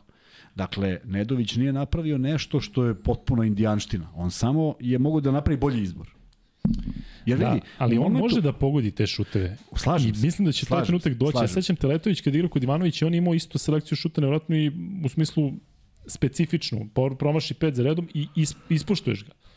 Dakle, neka. Slažeš. I onda kad krene, uživaš samo to. Pa vidi, tu, tu Ivanović zna, zato što momenti u kojima je on birao te šuteve, uh, srećom na ovoj utakmici u dobrom delu nisu pogađali zvezdu. Dakle, bilo je, promašio si, da si dao, bilo bi još više razlike, veća razlika, ovako nije, ali prosto od njega mora da bude odgovornija igra, ako ništa drugo. Samo da bude odgovornija. Samo da znaš da je on u tom trenutku. I vidi, naš četvorici smo na parketu, lipsali smo tamo, pošibali smo se za sve pare i ti onda urodiš pravi potez i promašiš. I ne, mi kažemo, ok, da. Ali ako si ti prešao i šutno, ja sad gledam i kažem, ček, sad opet 24 sekunde se bijemo tamo. A da se bijemo za nešto što, u što imamo poverenje. Samo zbog toga. I nije on uzimao danas. Ishitren šut je bio onaj, kad nije sačekao, mislim da je bilo prostora makar da pogodi obruč pa da se odbije negde. Onako je baš bilo bez veze. Ali ovi ostali nisu mi ishitreni koliko mislim da u tom trenutku postoji za nijansu bolje rešenje. Šta mi je ono jedan, još jedan plus za Zvezdu? Zato što i pro, posle tih njegovih šutova i posle eventualnih airbolova nema nikakve reakcije sa agre u smislu da nemaš. neko odmahuje rukom ili širi ruke nemaš. ili spušta glavu. Jednostavno, veruju mu. Uh, veruju, veruju njemu jer veruju treneru. Tako je. A trener je rekao da moramo da verujemo čak i kad taj šutne. I mi smo, i mi smo na parketu svoje vremeno verovali. Pa već se čovjek promaši, ali ti znaš da je to on. Ti znaš da je on, da on daje tu koju treba. Ako, jesi imao nekog igrača gde ti je baš smetalo? Ba, pretpostavljam da je to više bilo u Belgiji i u Rumuniji oni Džomba i kompanija u smislu da baš vidiš da, da, da ono pa da bi ga ne, da bi mu udario jednu, ti, jednu šljagu. Rekao sam ti, privilegovan sam bio da igram sa izuzetno inteligentnim igračima. I ima znači, Benga ti je bio super. Ne, ne, ne, ne, govorim ti, govorim ti za budućnost, govorim za Beočin, zaista, za Beobanku, zaista ne, ne mogu da kažem da mi je neko tako upada u oči. U pravu si, u inostranstvu naravno, naravno što kad smo došli u Rumuniju, to su divni momci, ali nisu bili obučeni košarkaški tako. U Belgiji pet Amerikanaca koji igraju neku svoju igru, pa je divno što su evropski orijentisani, pa im je svejedno kod da koš, što je jako redko se nalazi. sa njim? Odlično. Odlično. Zato što su provalili i odakle dolazim, koja mi je ideja u igri, ja sam ih razigravao za sve pare. Dakle, ja sam mogu da šuteva brdo, ali ja sam igrao košarku koju volim. I onda su oni stekli poverenje i zamisli, mi smo imali, mi smo imali raspored poena od 8 do 17. Od, najbolji strelac je bio 17, najlošiji sa 8. U proseku. U proseku. Mislim, to stvarno šibalo dakle god hoćeš. bio ti? Ali ja mislim da sam bio kod 10. Ali najbolja fora, najbolja fora, što je Ron Ellis, igrač uh, New York Knicksa iz 92. ili 95. 8 godina igra u Belgiji. On je bio jedan rmpali, onako, znaš, namrgođen stan. On ovako digne, a šutirao sa zemlje. I prosto finta mu šuta već kad, kad drži loptu na grudima. Kad trojica skoče, nikada nije šutno da bi dao koš. Znači, samo ovako uradi Bez problema. A bez onog sad, znaš, šta će on sledeće ošutne? Igrali su stvarno jednu divnu košarku i u ostalom zato su imali jedan poraz u sezoni. A, prenosio sam Juventus kad beš utorak sreda, bio je Eurocup naravno. I tu je ovaj Allinson, uh, momak koji je bio draftovan od strane Detroita i bio je um, 18. pik na draftu. I nije se tamo snašao, niti imao neku minutažu i sad igra u Juventusu i ne znam, prvi put mislim da u poslednje vreme ne znam šta da mislimo o igraču. On je bio najbolji tu u smislu Ellinson. Dakle, e, visoki belac koji ima dobar šut, koji ima onako čudne poteze, ali odradi šta treba i razmišljam da li bi on možda pasovao ovaj Zvezdi ili Partizanu zato što pretpostavljam da nije skup i ne znam šta da mislim. Dakle, prvi put sam bio u fazonu, čekaj, je ovo dobro ili loše što radi ovaj čovjek? E, u svakom slučaju, e, toliko o Elinsonu u ovoj, u ovoj epizodi. E, Ivan Jovanović, Ivan Jovanović je donirao i kaže do kraja sezone Petrušev Zver 20 dolara za Malešana donacije. Hvala, Hvala. puno Ivane u ime Uruševo i u ime Uruševe porodice. Mislim da ćemo sa ovim donacijama večeras imati zaista dobru cifru koju ćemo platiti sutra e, na račun Uroševog tate. I još jedno da kažem, tekući račun možete videti i vi u opisu videa i ovog i prethodnih, tako da možete da donirate na taj način, ali podrazumeva se da će da onda biti iz Srbije, zato što mislim da je dinarski tekući račun. Tako da, e, što se tiče igrača, nastavljamo dalje. Lazarević, Kuzma, znam da si oduševljen, priznaj da si oduševljen. Yes, yes. 8 poena, 4 skoka, jedna asistencija, 27 minuta, što je za mene najveći, najveće iznenađenje. 4 od 5 za 2, nije šutirao za 3. E, Lazarević, koji onako, sećaš se kada je došao e, Ivanović, bio čak i, i nije bio van tima, pa smo svi mislili to neće, ne, ne to znam. To su mislili, ja sam, ja, ja ne ukažem da sam garantovan, ali znao sam da čovjek nije teo se odrekne čoveka koji, koji mu donosi to što mu donosi. On je prosto morao nekog brže da testira. Nekoga, čak obično kad tako testiraš nekoga imaš više sumnji u njega nego u tog kojeg poznaješ. Jer za Lazarevića i da mu kaže, slušaj sine, pratiš ovog i, i kad god ide, ide u WC, ti ideš za njim, ne, ne ostavljaš ga, on će to da uradi. I on je to znao. I dobio takav input 100%. Tako da nijednog trenutka nisam mislio da Lazarević neće biti. Naprotiv, pričali smo o tome da vidimo kako može da eksploatiše Holanda koji je Holand. Holand, jeste. Obično kažem Holden, da, pogodio sam, Holland. Pogodio si. Ovaj, koji je mnogo diskutabilniji na toj poziciji. Tako da mene ne čudi ni što je počeo, zato što je Jurio Vezenkova i zato što je cela ideja bila da je on brži i jeste brži.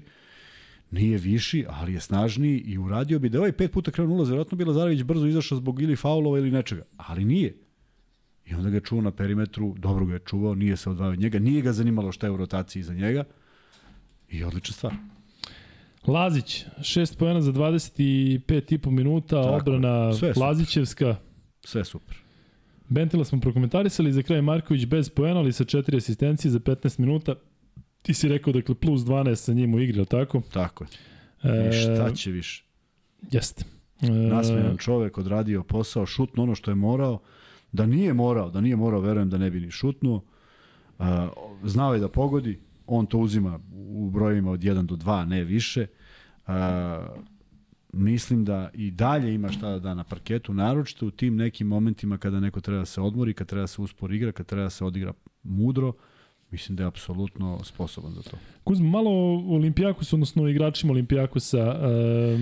Šta si video recimo kod tog Lorenzakisa, on je nekako bio danas najspecifičniji sa tom nekom energijom, sa bacakanjem, da, da, sa možda on je, pa da, on Pitali je... ste ovde da prokomentarišeš onaj, onaj faul na koji nije sviran na Lorenzakisu, ali već smo pričali. Da, da, da, mislim, prosto neverovatno. Toliko to nije, ono, to nije ono kao ugao kamere. Nego je li da imao challenge tada ba ovaj Barcoka da traži? Ne, ja ne znam, ne znam stvarno, uopšte da, stvarno ne znam ni ja. Da li je bilo, da li je mogao, da li se možda se traži? Valjda, ne, valjda je challenge na donetu odluku.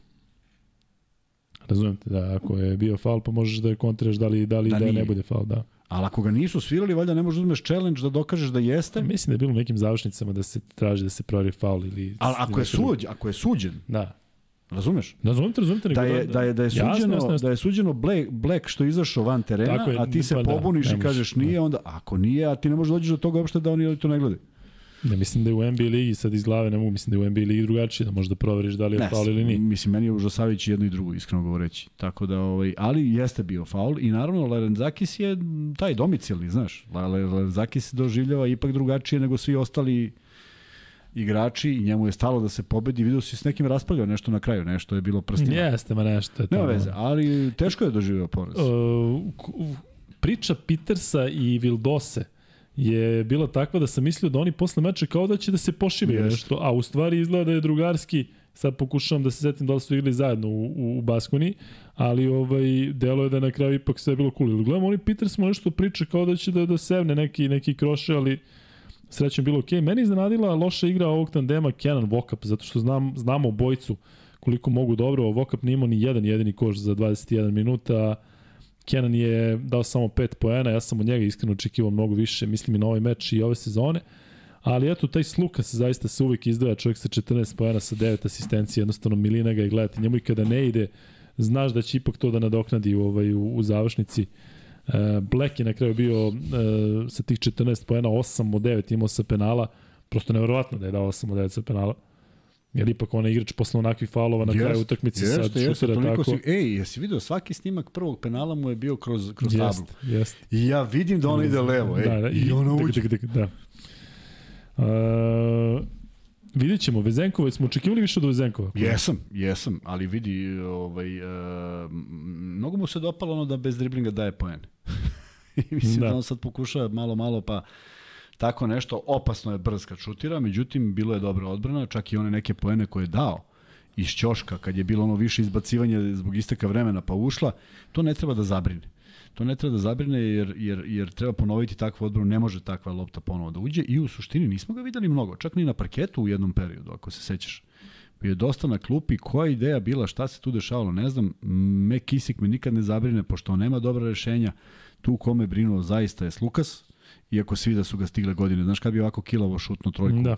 kao preko Mitrovića do pre godinu dana. Ma da svi smo znali da će on da uzme. Svi smo znali da će on da šutne, ali, ali je baš bila bez veze. I Mitrović bio blizu i sve je bilo određeno kako treba. Da, čudno bre, između Zvezda i Partizan danas utakmici ima toliko nekih veza. Ja mislim da smo od Gudurića svi bili iznenađeni nekako Gudurićem lošom igrom uh, Gudurića protiv Partizana i od Slukasa se očekivalo ipak što ti kažeš malo više energije. E, ali znaš što mi se činilo? Mada nije on toliko star. Nije, nije, nije, nije toliko, da, ali prosto da umor stiže, nije to baš. E, ali vidio, ja ne mogu se zakunem, ali mi deluje. Pa i sad šta mi deluje. I ko, ko je gledao može da nam kaže čak i sad u ovom trenutku. Ja sam ubeđen da je Petrušev bio na beku. u postavljenoj odbrani posljednji napad. I da je da su tražili pik, ne bili se vratili u normalno stanje. Pa se tu pojavio i treći igrač Lukas, pa je zato Mitrović ostao. Ali mislim da je ideja bila koju igrači Olimpijakosa nisu ni primetili. Dakle, bek koji bi trebalo da obiđe centra, već ga je čuvao Petrušev, a on je otišao u blok. Po inerciji. A u bloku ga je čuvao nizak igrač koji je samo preuzeo. Ako je neko obratio pažnju, ja ću kad dođem kući, nisam stigao da premotam, ali mislim da se tako desilo. E, fenomenalna zamisao, zato što niko ne gleda s kim praviš blok. Faktički, niski igrač je pozvao svog visokog da se vrate na isti odnos visoki-niski. To nešto do, to govori dosta o nekom malo ovaj malo manjem razmišljanju na terenu.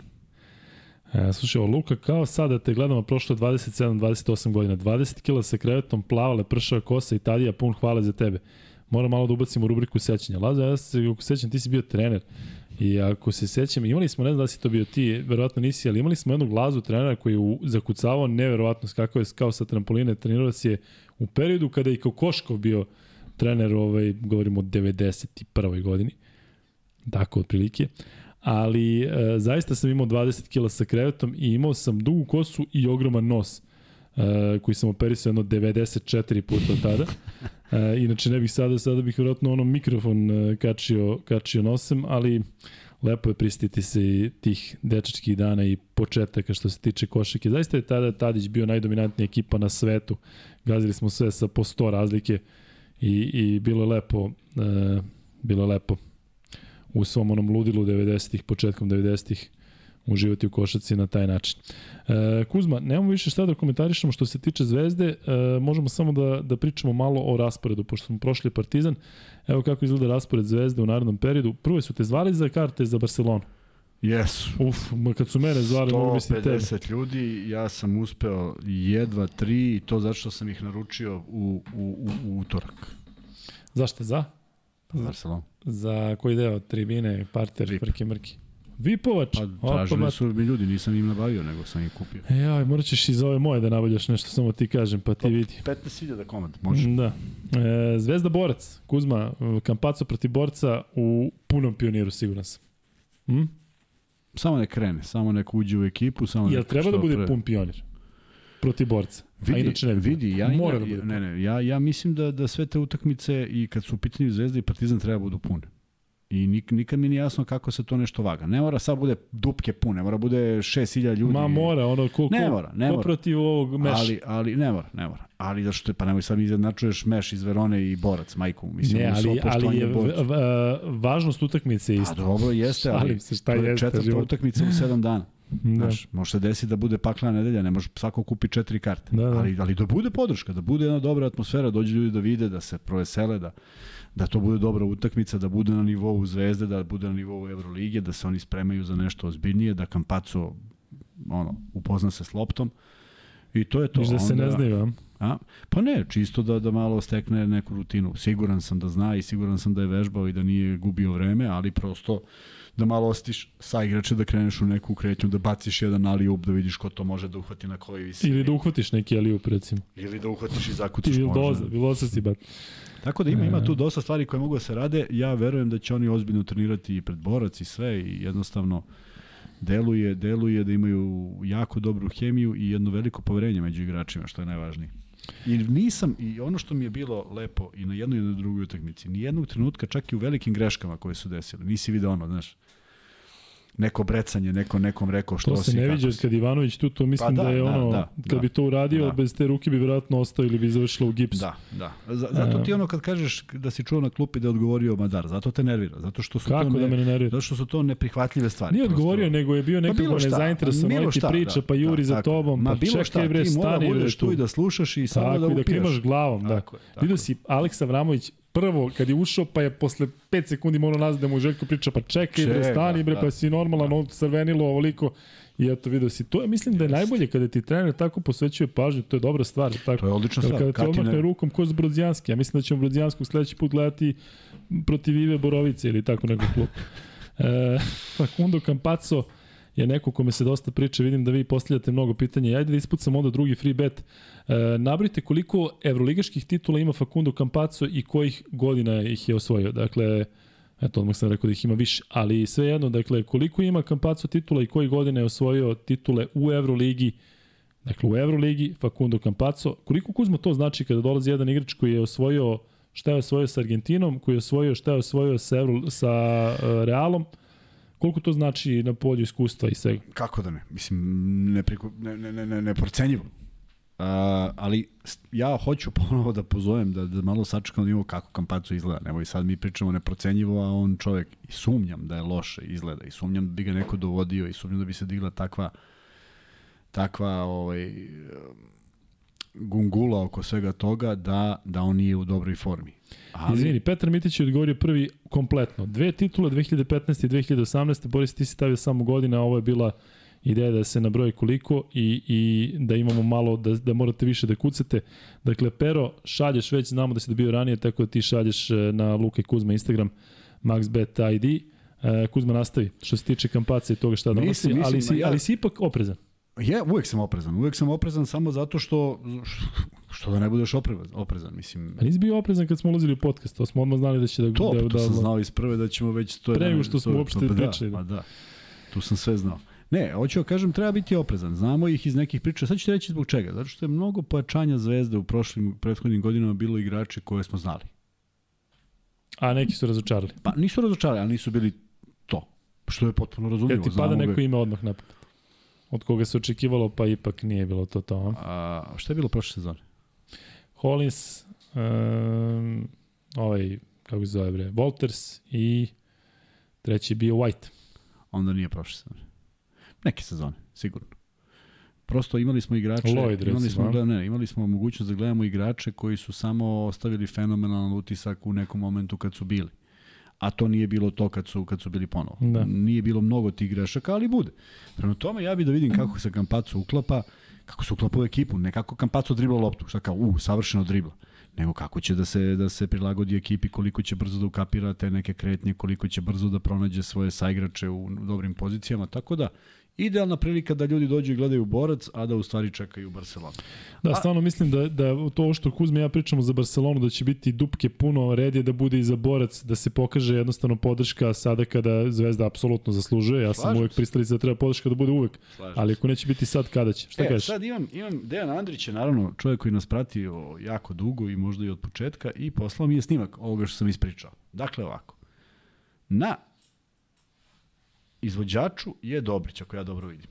A Petrušev čuva s Lukasa. I šta radi jedan od najiskusnijih playmakera Evrope? S Lukas. S Lukas. Poziva Bleka u blok. u blok.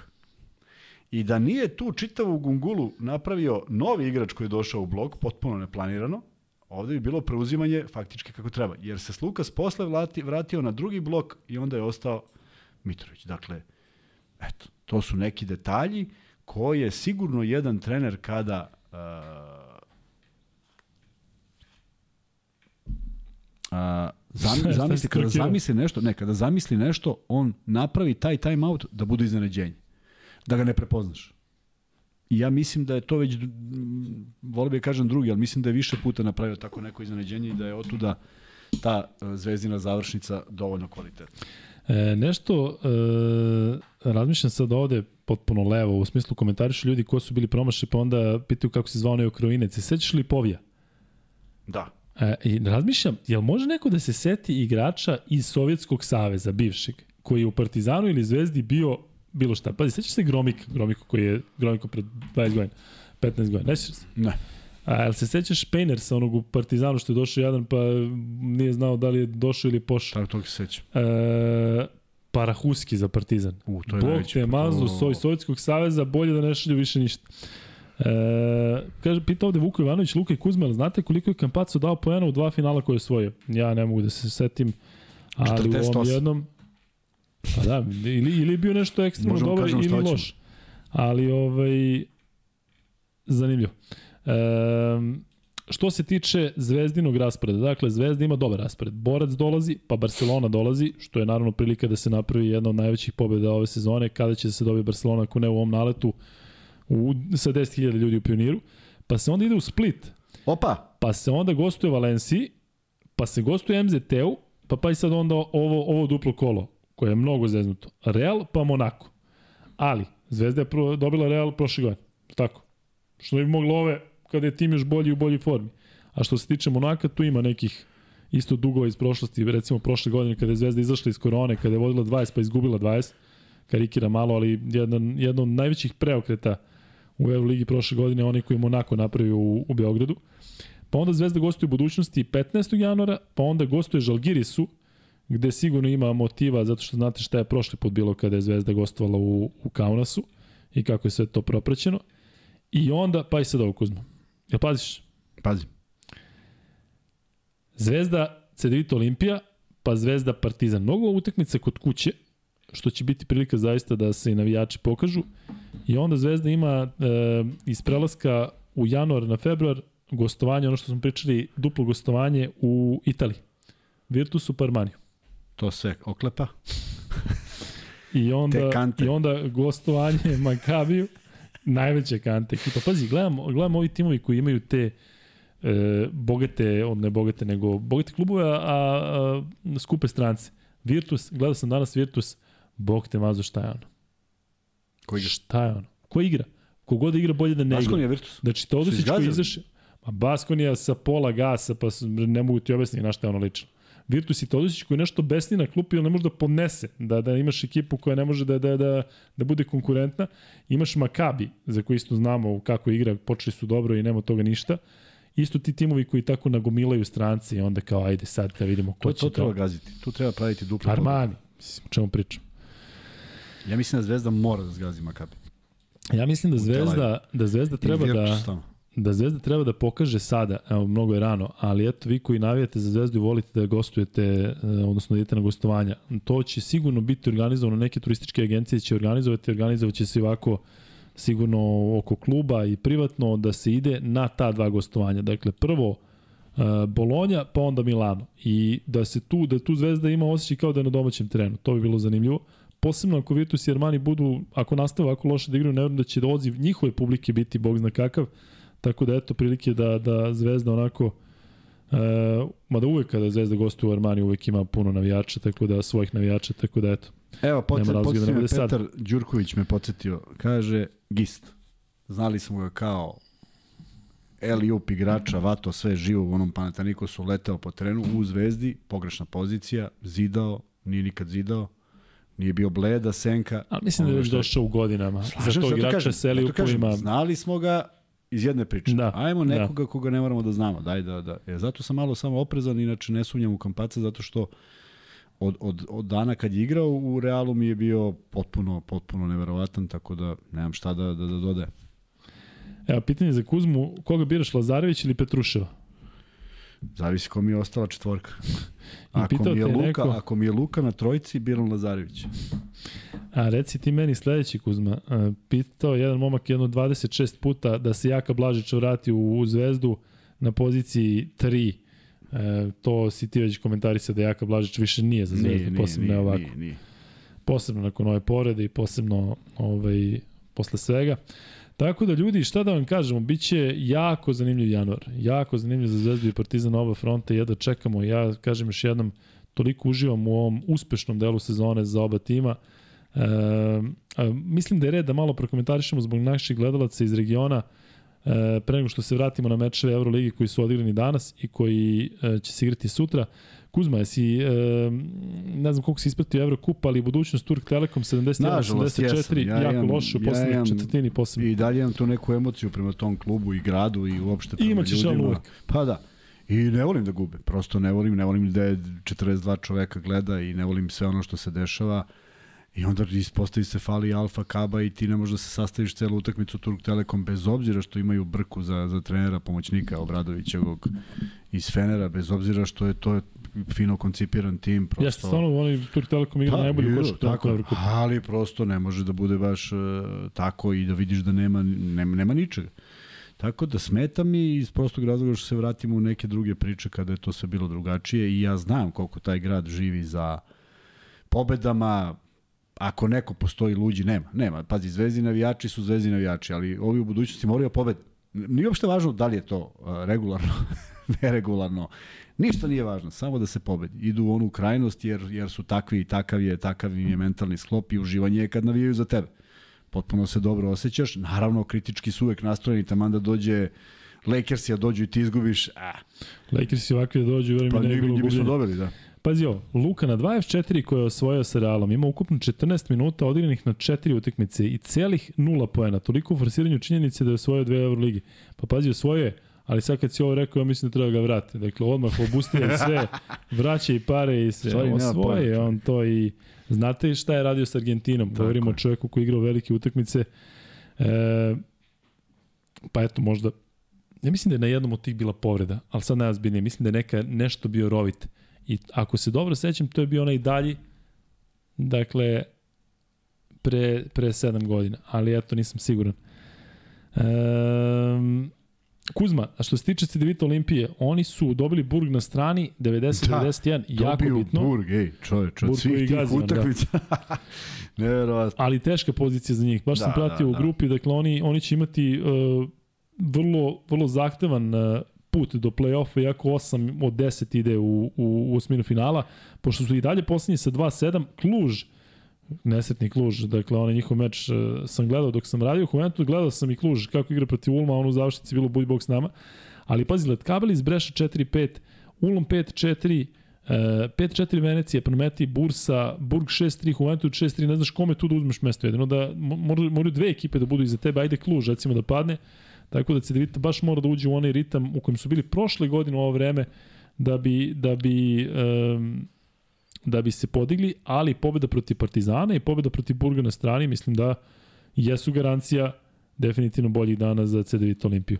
Kuzma, kako komentarišeš ovaj meč između Londona i Pariza, 80-93 u Evrokupu? Ja se ježim kad pričaju o Londonu kao potencijalnom... Šalim se, on je to te zezam, ali pazi, London, Pariz, pazi koje dve metropole. Da, potpuno ludilo.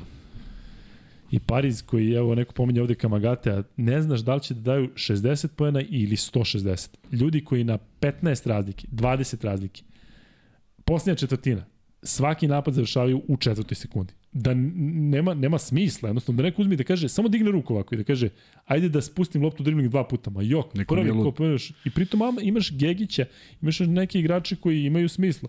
Ma jok, i oni u istom tom ritmu, pa samo naravno. daj, pa da šutnem, pa će da uđe, ako ne uđe, idemo dalje, ako uđe, ja sam car i rok. Ta isti Pariz koji je pred Vembanjaminim, onim Bulonjom, je izgledao kriminalno loše, neka posljednja četvrtina katastrofa u francuskom prvenstvu, ali dobro. Nećemo se više zadržavati na tome, ali hoćemo da prokomentarišemo današnje rezultate u Euroligi. Ajde. Uh, Alba Makabi 70-83, Alba dala 7 poena u posljednjoj četvrtini Talba, uh, koja je imala 3-0, pa smo svi pričali, oni eto godinama igraju isto. Opet on svi pričali. Svi smo pričali. Sad ću vratiti onaj podcast, samo da vidim koji je broj. 76. e, imaš nešto da kažeš za Makabi? Nemam, žao mi je što pobedio. Žao ti što je pobedio? Mm što? Pa prvo što ima 8-7, što bi volio da idu dole. A zbog toga? A drugo što i što Alba zaslužuje da ih pobedi. A i ne voli Makabi. Možda je tu bilo nekog tala, ono, vamo igraju Blati i Zusman, pa da, pa možda neka veza. Pa nema, nema drugo da. E, Baskonija Virtus 90-79, dakle na poluvremenu već nešto 15 da, razlike, da. pa onda kao Virtus, ono Belinelli uzima neke šute, je bilo mučno gledati. Baskonija koja sa pola gasa dobija Virtus, za koji sam ja iskreno mislio da će se bar odboriti za top 8, ali to delo jako loše. Da, nemoguće. I Real koji je spustio na zemlju Asfal 90 i e, 2.73, onako jedna rutinska pobjeda, tek da se Asfal malo I šta je četvrta utakmica? To je četvrta to je i peta to, i šta. sutra su ostale. Tako? Sutra su ostale, ajde malo ćemo i o tome, zato ajde. što nećemo komentarisati ishod, ali zanimljiv meč Efes Panathinaikos. Radonjić koji gostuje uh, Atamanu, to znamo da je uvijek ovaj. Ataman posle dva poraza, a? Tako i Ataman kome ja mislim ne bi se tresla stolica da izgubi sve do kraja, a? Jer bi neko mogu da kaže da je kao, je, kao, jer ne, menjam Ataman, dovodimo... Ne, ne, posle ovoga što je uradio, ne. Da. Žalgiris Bayern. Kuzma tu, U, to će biti tvrdo. Šta je dobro, šta je bolje za, za Partizan? Da se dobije, da Bayern dobije tamo ili da, da izgubi za ono što tu uvijek pitam? Da budu u totalnom kanalu, da ih Žalgiris tamo dobije, pa da onda u nekom downu dođu u, u, u Beograd ili Koliko da je... Koliko je Bayern? Stanje na tabeli je sledeće. E, Bayern je trenutno na poziciji... A, pred, misliš pred utakmicu s Partizanom? Da, da, ali da, Bayern recimo da ima potom... skor 5-9 E, dobili su poslednji meč protiv Valencije, pre toga su izgubili dva, tako da... Bolje da potonu, bolje, bolje da izgubio Žalgirisa pa da izgubio Ali pazi, Žalgirisa ako dobije isto na 8-7, to nije dobro za zvezdu. Pa, naravno, onda, onda nek pobedi Bayern. nek ne pobedi niko. Da, Armani Monaco. to će biti zanimljiv meč za gledanje da vidimo kako će Mike James protiv svog bivšeg tima da igra. Yes. Ove, ovaj, ali e, moram priznati da ne očekujem neku dobru utakmicu, pošto ta sa tim Armanijem se zaista ne zna. I dalje nam mogu da objasnim kako su dobili Zvezdu u Beogradu oni, pored svih timova s kojima je Zvezda igla posljednjih dva meseca. E, I Valencija, Barcelona. Kuzma, Valencija, Barcelona. U da. oči uprte od te utakmicu navijamo za Valenciju, da vidimo koliko je ranjiva Barcelona pred utakmicu sa Zvezdom. Ja se nadam da će naći neki, neki način, mada Uh, sve nešto se dešavalo od početka sezone, od odlaska Kalatesa, nešto nagoveštava da je u Barceloni neki problem.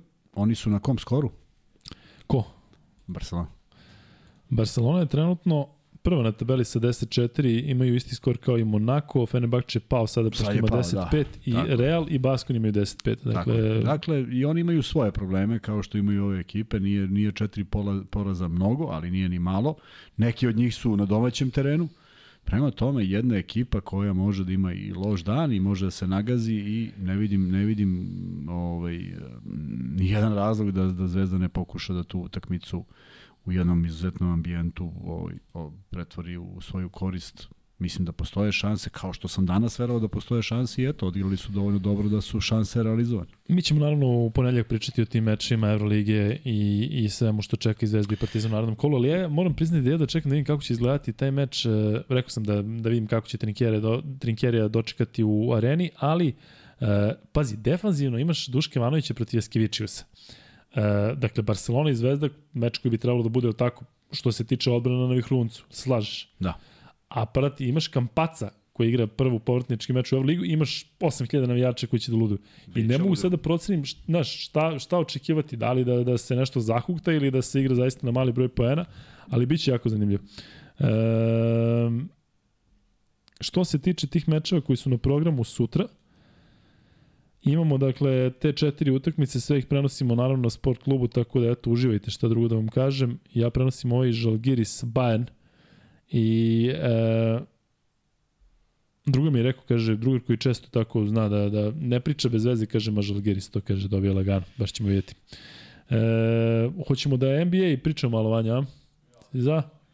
Vanja ubijen, s obzirom to da je danas imao četiri, četiri prenosa, Pa šta? Ali eto, da, četiri prenosa, četiri ja, samo nešto da ova, da kažem, jednu konstataciju. četiri snimanja. Šta kažeš? Jedna konstatacija, stiže poruka Željka Ćirkovića, Dobro. kapitena košarkaša u kolicima, i kaže, malako im je sada, a zaludira na pobedu Srbije u dvorani Mira i prijateljstva prošle oni godine, probili led. Prošle godine kad je probijen led. I što je najsmešnije... Bilo ljudi na tom meču? Ne, malo. Slabo, malo, ma da. I tamo se ne gleda. Ma nema, jok. Ali dobro, bila je i korona, pa je okupljanje bilo zabranjeno, tako da. da nije realno. Ali poenta je što stvarno Zvezda posle toga pobeđuje u, tamo u Pireju i evo da, sad da, pobeđuje da. u Pireju, tako da... Samo da se igra tamo, a? Da, samo konstacija kao pa lako je sada, znaš, kad je probijen. Da, Olimpijakos. E, ja, pošto nisam normalan, pratio sam meč Olimpijakos Valencija. Jesi gledao to? U čemu? U Euroligi. Kad si to pratio? Juče. U kom sportu? Košarci. U kolicima? Ne. Nego? Žene? Žene. Oh. I Valencija koja obrće Bato, znači one, ja ne znam, ne, Bato, da je bolje da nekom šta, šta radiš ti u životu, čoveče? Ne gledam i tu žensku košarku, što ne gledam? Kada, kada može da se gleda. Sam trebao da platim islandsku, islandsku ligu.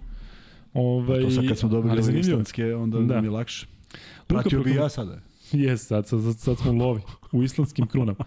A, Luka, prokomentarišite Vanju Marinkovića. 22 pojena bio zaista fenomenalan. Da, da, da, igra dakle, preporođeno već nekoliko utakmica. Jeste. Ne, I da. koliko mene, koliko mene raduje to što uh, naši igrači igraju, da, da vidi se da je mnogima od njih značilo u reprezentaciji to što je reprezentacija krenula. Njemu apsolutno, to je jedno samopouzdanje i poverenje trenera, tako da to što Kudurić, je startovao... recimo ne večeras. Ne, njemu sigurno ne, ali Vanja je to iskoristio, zato što je ovaj, uh, startovao svaku utakmicu i to nešto znači i odigrao svaku, skoro svaku je odigrao dobro, ako se ja dobro sećam. Novi Penjerove, mislim da, da više uh, mu veruje. Uh, Vanja, jesi vidio da je ovde uh, komentarišu kao lavinu Lakersima, to, da, ovde trolovanja, Pa nije ni meni, evo ja imam moj Bleacher, jedna od malobrojnih aplikacija koje posjedujem, ali ništa. Kaže Vanja da nije, Vanji verujemo, iako neće da, da e, da priča večeras, ali hajde malo da prokomentarišeš ti Kuzma NBA ligu, odnosno Ajde. Jokića koji briljira. Znam da pratiš NBA ligu u toj meri da vidiš šta rade naši sa akcentom na Jokiću. Onaj dečko je fenomenalni, ja opet ponavljam, Jeste, kada je Mari povređen, totalno se menja da, koncepcijski igra. Da, neke poteze koje pravi i stvarno to rešava sa neđerom lakoćom. Ne samo to, sad je nešto Nurkiću pokazao nešto pa je napravio rolling između dva igrača i položio preko njega. Prosto jedan neverovatan osjećaj za igru i um, on uživa u svemu tome. I sad samo je pitanje ovo što si pričao za prošli, pro, prošli put oko, oko tog statusa i šampionske titule. A, stvarno je neko napisao da li to njega i zanima, da li on, da li on uživa u svemu ovome toliko da može da racionalizuje i kaže ja ću se zabavljam i da igram i da dajem te da. triple double i ostalo i boli me uvo da li ćemo budemo prvi, drugi ili treći. Jer ja mislim da bi on na svakom nivou igrao ovako. Tako mi deluje, jer njemu je ovo zabavno. Pre svega mu je zabavno.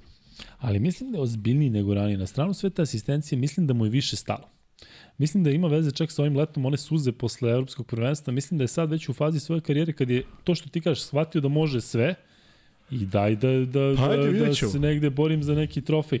Ali ono što, što stvarno ne, ne pravim poređenje, uh, on je očigledno jedan divan dečko koji, čuli ste ovde Jović te priče, čuli ste i Milović te priče da se uopšte nije promenio uh, iz onog perioda kada je bio u Megi, kada je tek bio na početku svoje karijere i na početku svoje reprezentativne karijere. Možda bi trebalo malo da se promeni. Evo recimo bila je jedna interesantna situacija gde su komentarisali kao njegov styling uh, pred ulazak uh, na ovaj poslednji meč i tipa kako je bio lepo obučen, onda su ga pitali kao pa šta je to, pa kaže pa ja dolazim na posao, moram da budem lepo obučen. I kaže mislim da je poslao tako neku poruku, kaže i ne mogu da shvatim da neki igrači dolaze ono onako obučeni kao da, da idu ono na spavanje.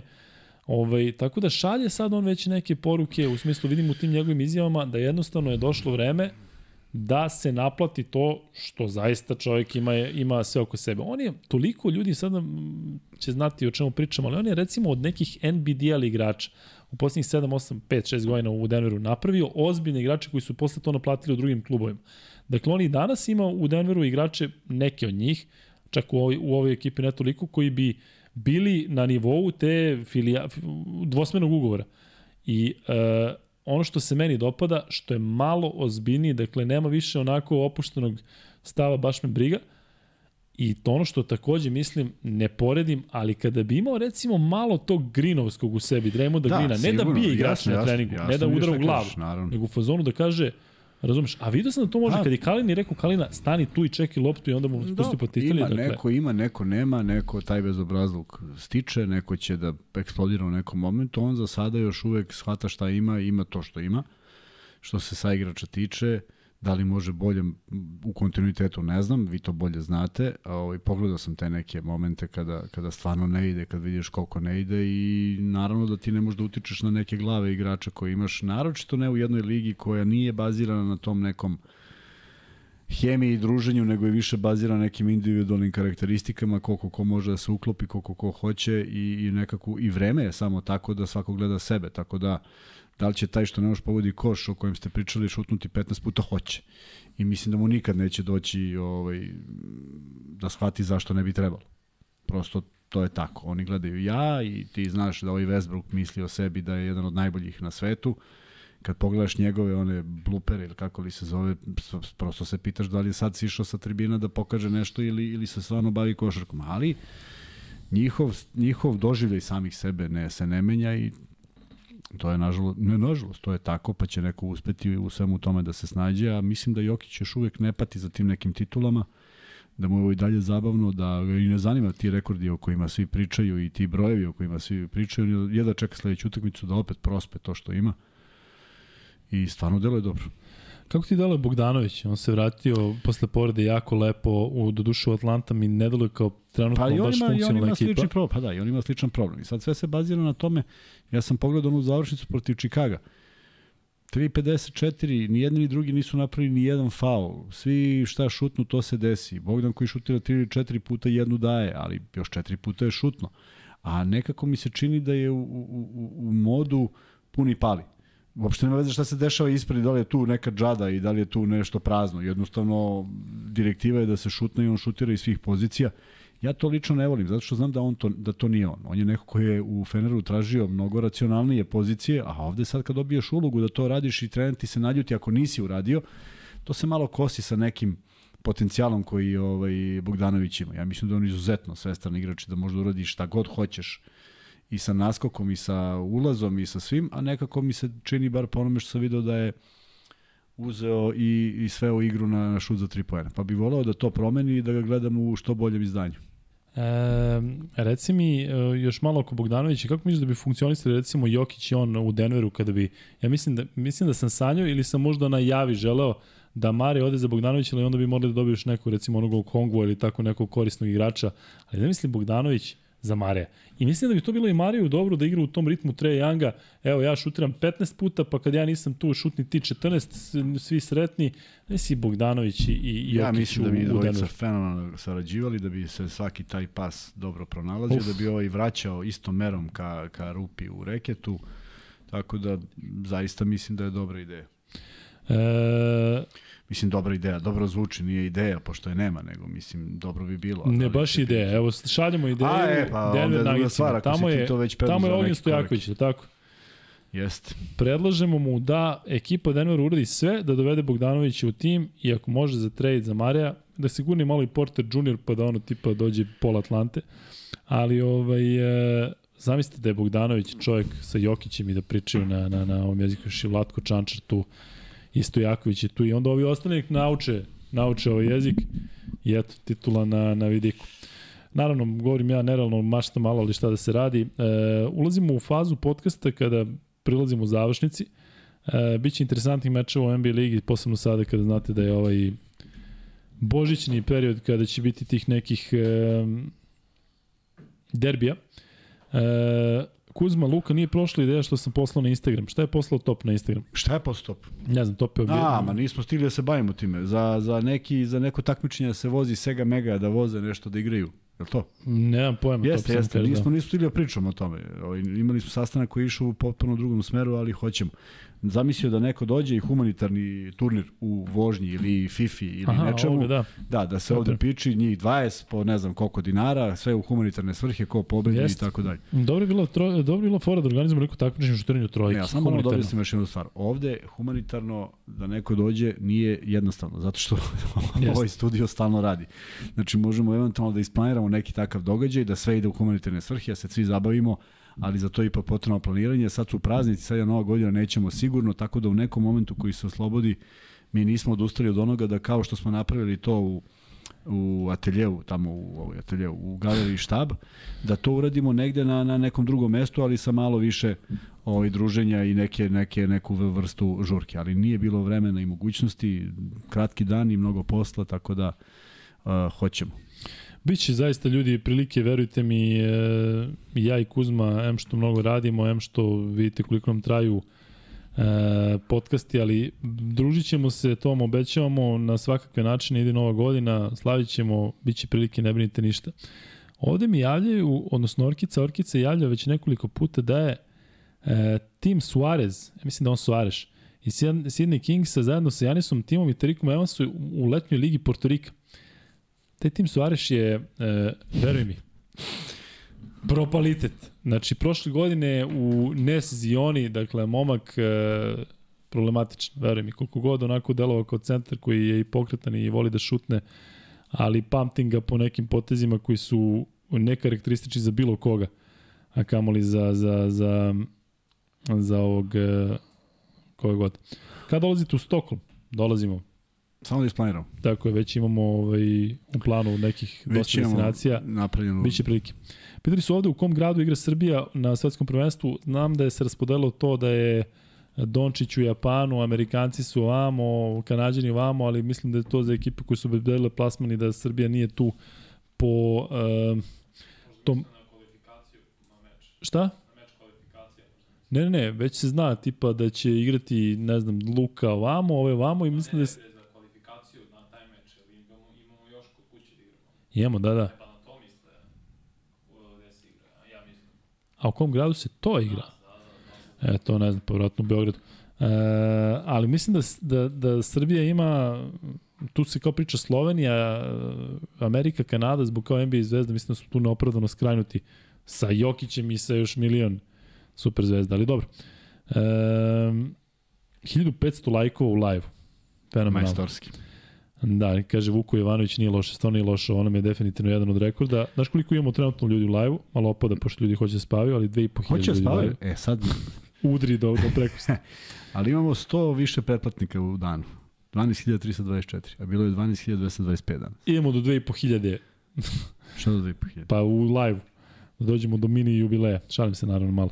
E, e plašiš. Luka, ko još može da shvata ozbiljno NBA ligu? Brooklyn da 91 poen Golden State-u za polovreme, to je sve samo nije košak. 91, 51. Da, bilo je 91 poen za polovreme, delo je potpuno nestvarno. Pritom ove dva poraza Portlanda od Oklahoma City i Thundera na isti način u nekim ludim završnicama. E, pa onda te dve pobede Orlanda koje je jako mnogo otim protiv Boston Celticsa na strani. Zaista delo je onako um, nepredvidiva liga, ajde da kažem u ovom delu, ali kako krene All Star, kako završi godina, znate da se onda već uozbilje svi, tako da naravno pred playoff će sve biti zanimljivo. Ali eto, možemo barem da kažemo da e, koliko sam vidio Vančeka, ti me ispravi ako grešim, e, ne igra se večeras NBA. Hey, yeah. Na? šta ćeš sad, Kuzma? Šta ćeš da radiš noć? Nema šta da najavim sada. New Orleans, uh, San Antonio i Utah, Washington. Ako dobro vidim. Hm? To su te dve, tako? I onda imamo taj božićni... Smo mi ispucali treći free bet? Specijal, nismo. Ali imaš neki u... Ne, ajde, pucaj. I onda ima 13 utakmica za 24. Hoćeš ja da ispucam neki free bet ili ćeš ti? Ti. Hoćeš vančik? Niko ljudi neće da breze sarađuju. Moram Nećemo ja da, da izmišljam. Free betove da, da izmišljam free betova. Neko mi je bio napisao, kaže, Luka, gledam te, a u isto vreme ide na sport klubu 3, ovaj Juventud u kojem priča, kaže, i ovaj tvoj je dao trojku. Ellinson sa svojim selekcijom šuta za koji bi ovaj poludeo Kuzma. Opet pitaju Kuzma John Concher u našoj reprezentaciji. To beše nije moguće. Ne, pisao mi je Vlado... Šta si pričao sa Pisao mi je Vlado Končar, pisao mi je Vlado Končar, kaže svi Končari su Srbi, objasnio sve. I ja samo kažem sledeću stvar, da opet pojasnimo oko Končara. Sve smo pričali, Oni nemaju dokaz odakle je deda ili, ili, ili pradeda ili deda došao. Dakle, Ti ako si pričao je, sa očuhom. Tako je. Ako je on iz Like, ne može on da se osjeća Srbinom zato što je to bila Jugoslavija ili Kraljevina Srba, Hrvata i Slovenaca. Ali je li stvarno fizički potreban papir? Mora, da, pa mora od neku, dakle je došao, da nađemo tog nekoga. Ne, ali ako je Panter dobio državljanstvo, zašto? A ne, Panter je dobio državljanstvo zato što je potreban. Da, ali zašto na, ne bi Končar mogao dobiti državljanstvo? Da se razumemo, to, onda, to, to ti je naturalizacija, a ovo ti je po, ovo ti je po prirodi stvari. Dakle, ti ako si čovek koji je rođen ovde, tvoj deda, ti imaš pravo na srpsko državljanstvo i nisi naturalizovan. Da, da, razumem. Ali... E, ne, može, može se podari mislim pasoš. da bi bio dobar za reprezentaciju kada nam fala playmaker. Stvarno ne znam. Vanja, daj pol za kraj. John, da li treba John Concha da igra za reprezentaciju Srbije? Da ili ne? Šta? Šta si rekao, playmaker? Pa nego šta. Ja mislim da ima 2 metra i da igra neku drugu poziciju. Ovo bre Kuzma pričao si sa njegovim ćalcem i... i... Gledao sam ga i deluje mi da je čovjek četvorka. Ti si mislio na Kaminsku, možda si pričao Nisam, sa Kaminskim. Možda sam pričao sa Perom. John Concher ima 196 cm. Eto, dobro. I igra šta? Pa je na pozicijama 1 i 2, šta drugo da igra? Pa dobro. Možda igra na trojici. Ja bio je tad na univerzitetu, igrao je svašta nešto. Dobro, mislim, on je vjerojatno sa onakim šutem više dvojka, ali... Pa to kažem, nije bio play, to ću kažem. Možda je sad. Sad e, možda jeste. Da. Mm -hmm. Sad će to Vanček da stavi kao pol, a mi možemo da smišljamo i posljednji free bet. Kuzma, šta još imamo da kažemo za kraj emisije, odnosno da li hoćeš da puštamo fantasy liste? Ne mogu. Šta si rekao? Ne mogu zato što nije, samo je završena ova... Ne mogu. A hoćeš da pustimo ovaj naš onaj, onaj snimak, e, ono kada su nas usporili? To je više mene. Ajde, pustim, za kraj. Ili imaš ti to negde da pošlješ vanje, pošto ja ne znam kako se to Šta se radi s tim? Gde se treba da Šta mi radiš? Ne, ne, mislim da nisam skinuo sa ovoga, nego da je... Evo imam ja. Ajde. Vanček, možeš da, da ovo pustiš u nekom trenutku i budeš spreman, evo, bukvalno ti šaljem u ovom trenutku. Ali evo kako se ovi naši mind pageisti dobro zezaju i zaista svakim čast eh, svima vama koji tako dobre stvari smišljate. Znam da je bilo ludilo oko onoga što sam ja lupetao prošli put za Denver, kada me kada sam se ovde otvorio pred vama, ali e, u svakom slučaju biće više priče o NBA ligi u narednim podcastima, da nam samo Vanja bude da nam bude od Moni, zato što je danas radio četiri snimanja, a vidite koliko je zahtevno samo jedno snimanje, tako da imajte ove, razumevanje za našu Vančika. Znamo, znamo da volite da kada on komentariše NBA ligu. E, ja mogu da kažem, eto što se tiče tog NBA, da mi je zaista drago što su neke ekipe podigle poput Brooklyna. Volio bih da vidim i Lakers u barem play-inu, ali nisam baš siguran da je to izvodljivo, zato što vidite da je Davis povređen, ali eto te franšize New York Knicks i zaista igraju fenomenalno, iako su izgubili sinoć, ali imali su tipa nekih 7-8 pobjeda, tako da navijam da recimo ti po znacima naveo da veliki klubovi napreduju. Drago mi je naravno što Sacramento igra najbolju košaku posljednjih ko zna koliko. Yes. ti imaš 12 da igrača Malo pa nisam razmišljao o tome. 12 pola je PSG-a i Maroko ima Hekimije PSG, Katarska naravno lova. Messi, Katarska lova, PSG finale, pe, ka, Katar, malo, malo mi je onako... Pa 100% si upravo. pa šta nisi? Pa jes. Ti imaš 12 igrača iz Paris Saint-Germain. o tome. 12 pola je PSG-a i Maroko ima Hekimije PSG. Dobro, lepo. Luka, gde si pričao o Denveru? Hoću da pogledam. To pričao sam u prošlom podcastu negde pri kraju kada sam krenuo... Ima da, na storijima našima, ako da može perim. neko pogleda. Šta ima na storijima? Pa ja na sam stavio, ja sam kačio sve. Valjda jesam, ne znam. E, ništa, da ispucamo i posljednji free bet. Pa idemo. Da se lagano razilazimo. Ajde, imam ja još mnogo slika dokačim kad dođem kući i ljudi koji su pisali nisam stigao dok povatam ko je ko.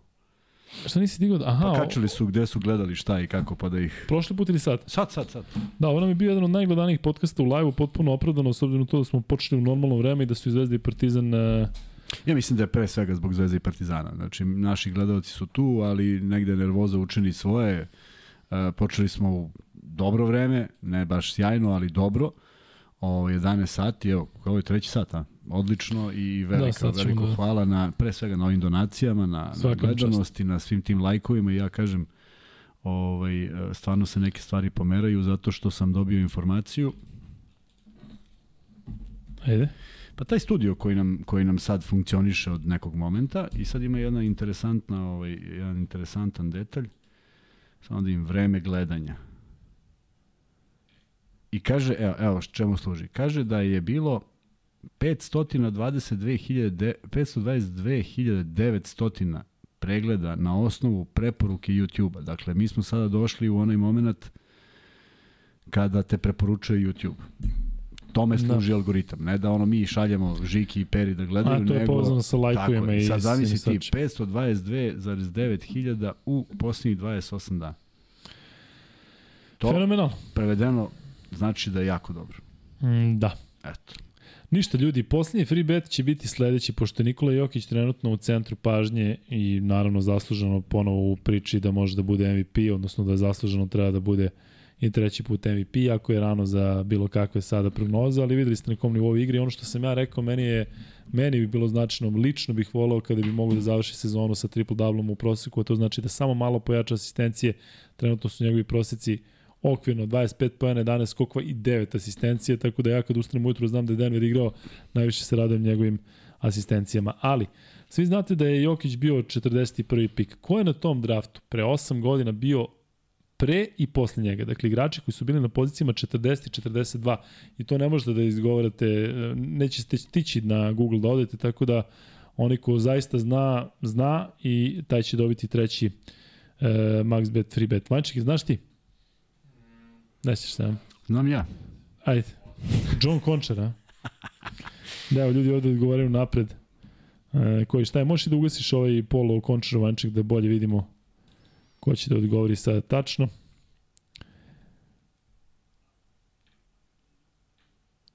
Glenn Robinson i Nick Johnson, Boris 995. Stvarno? Da, jeste.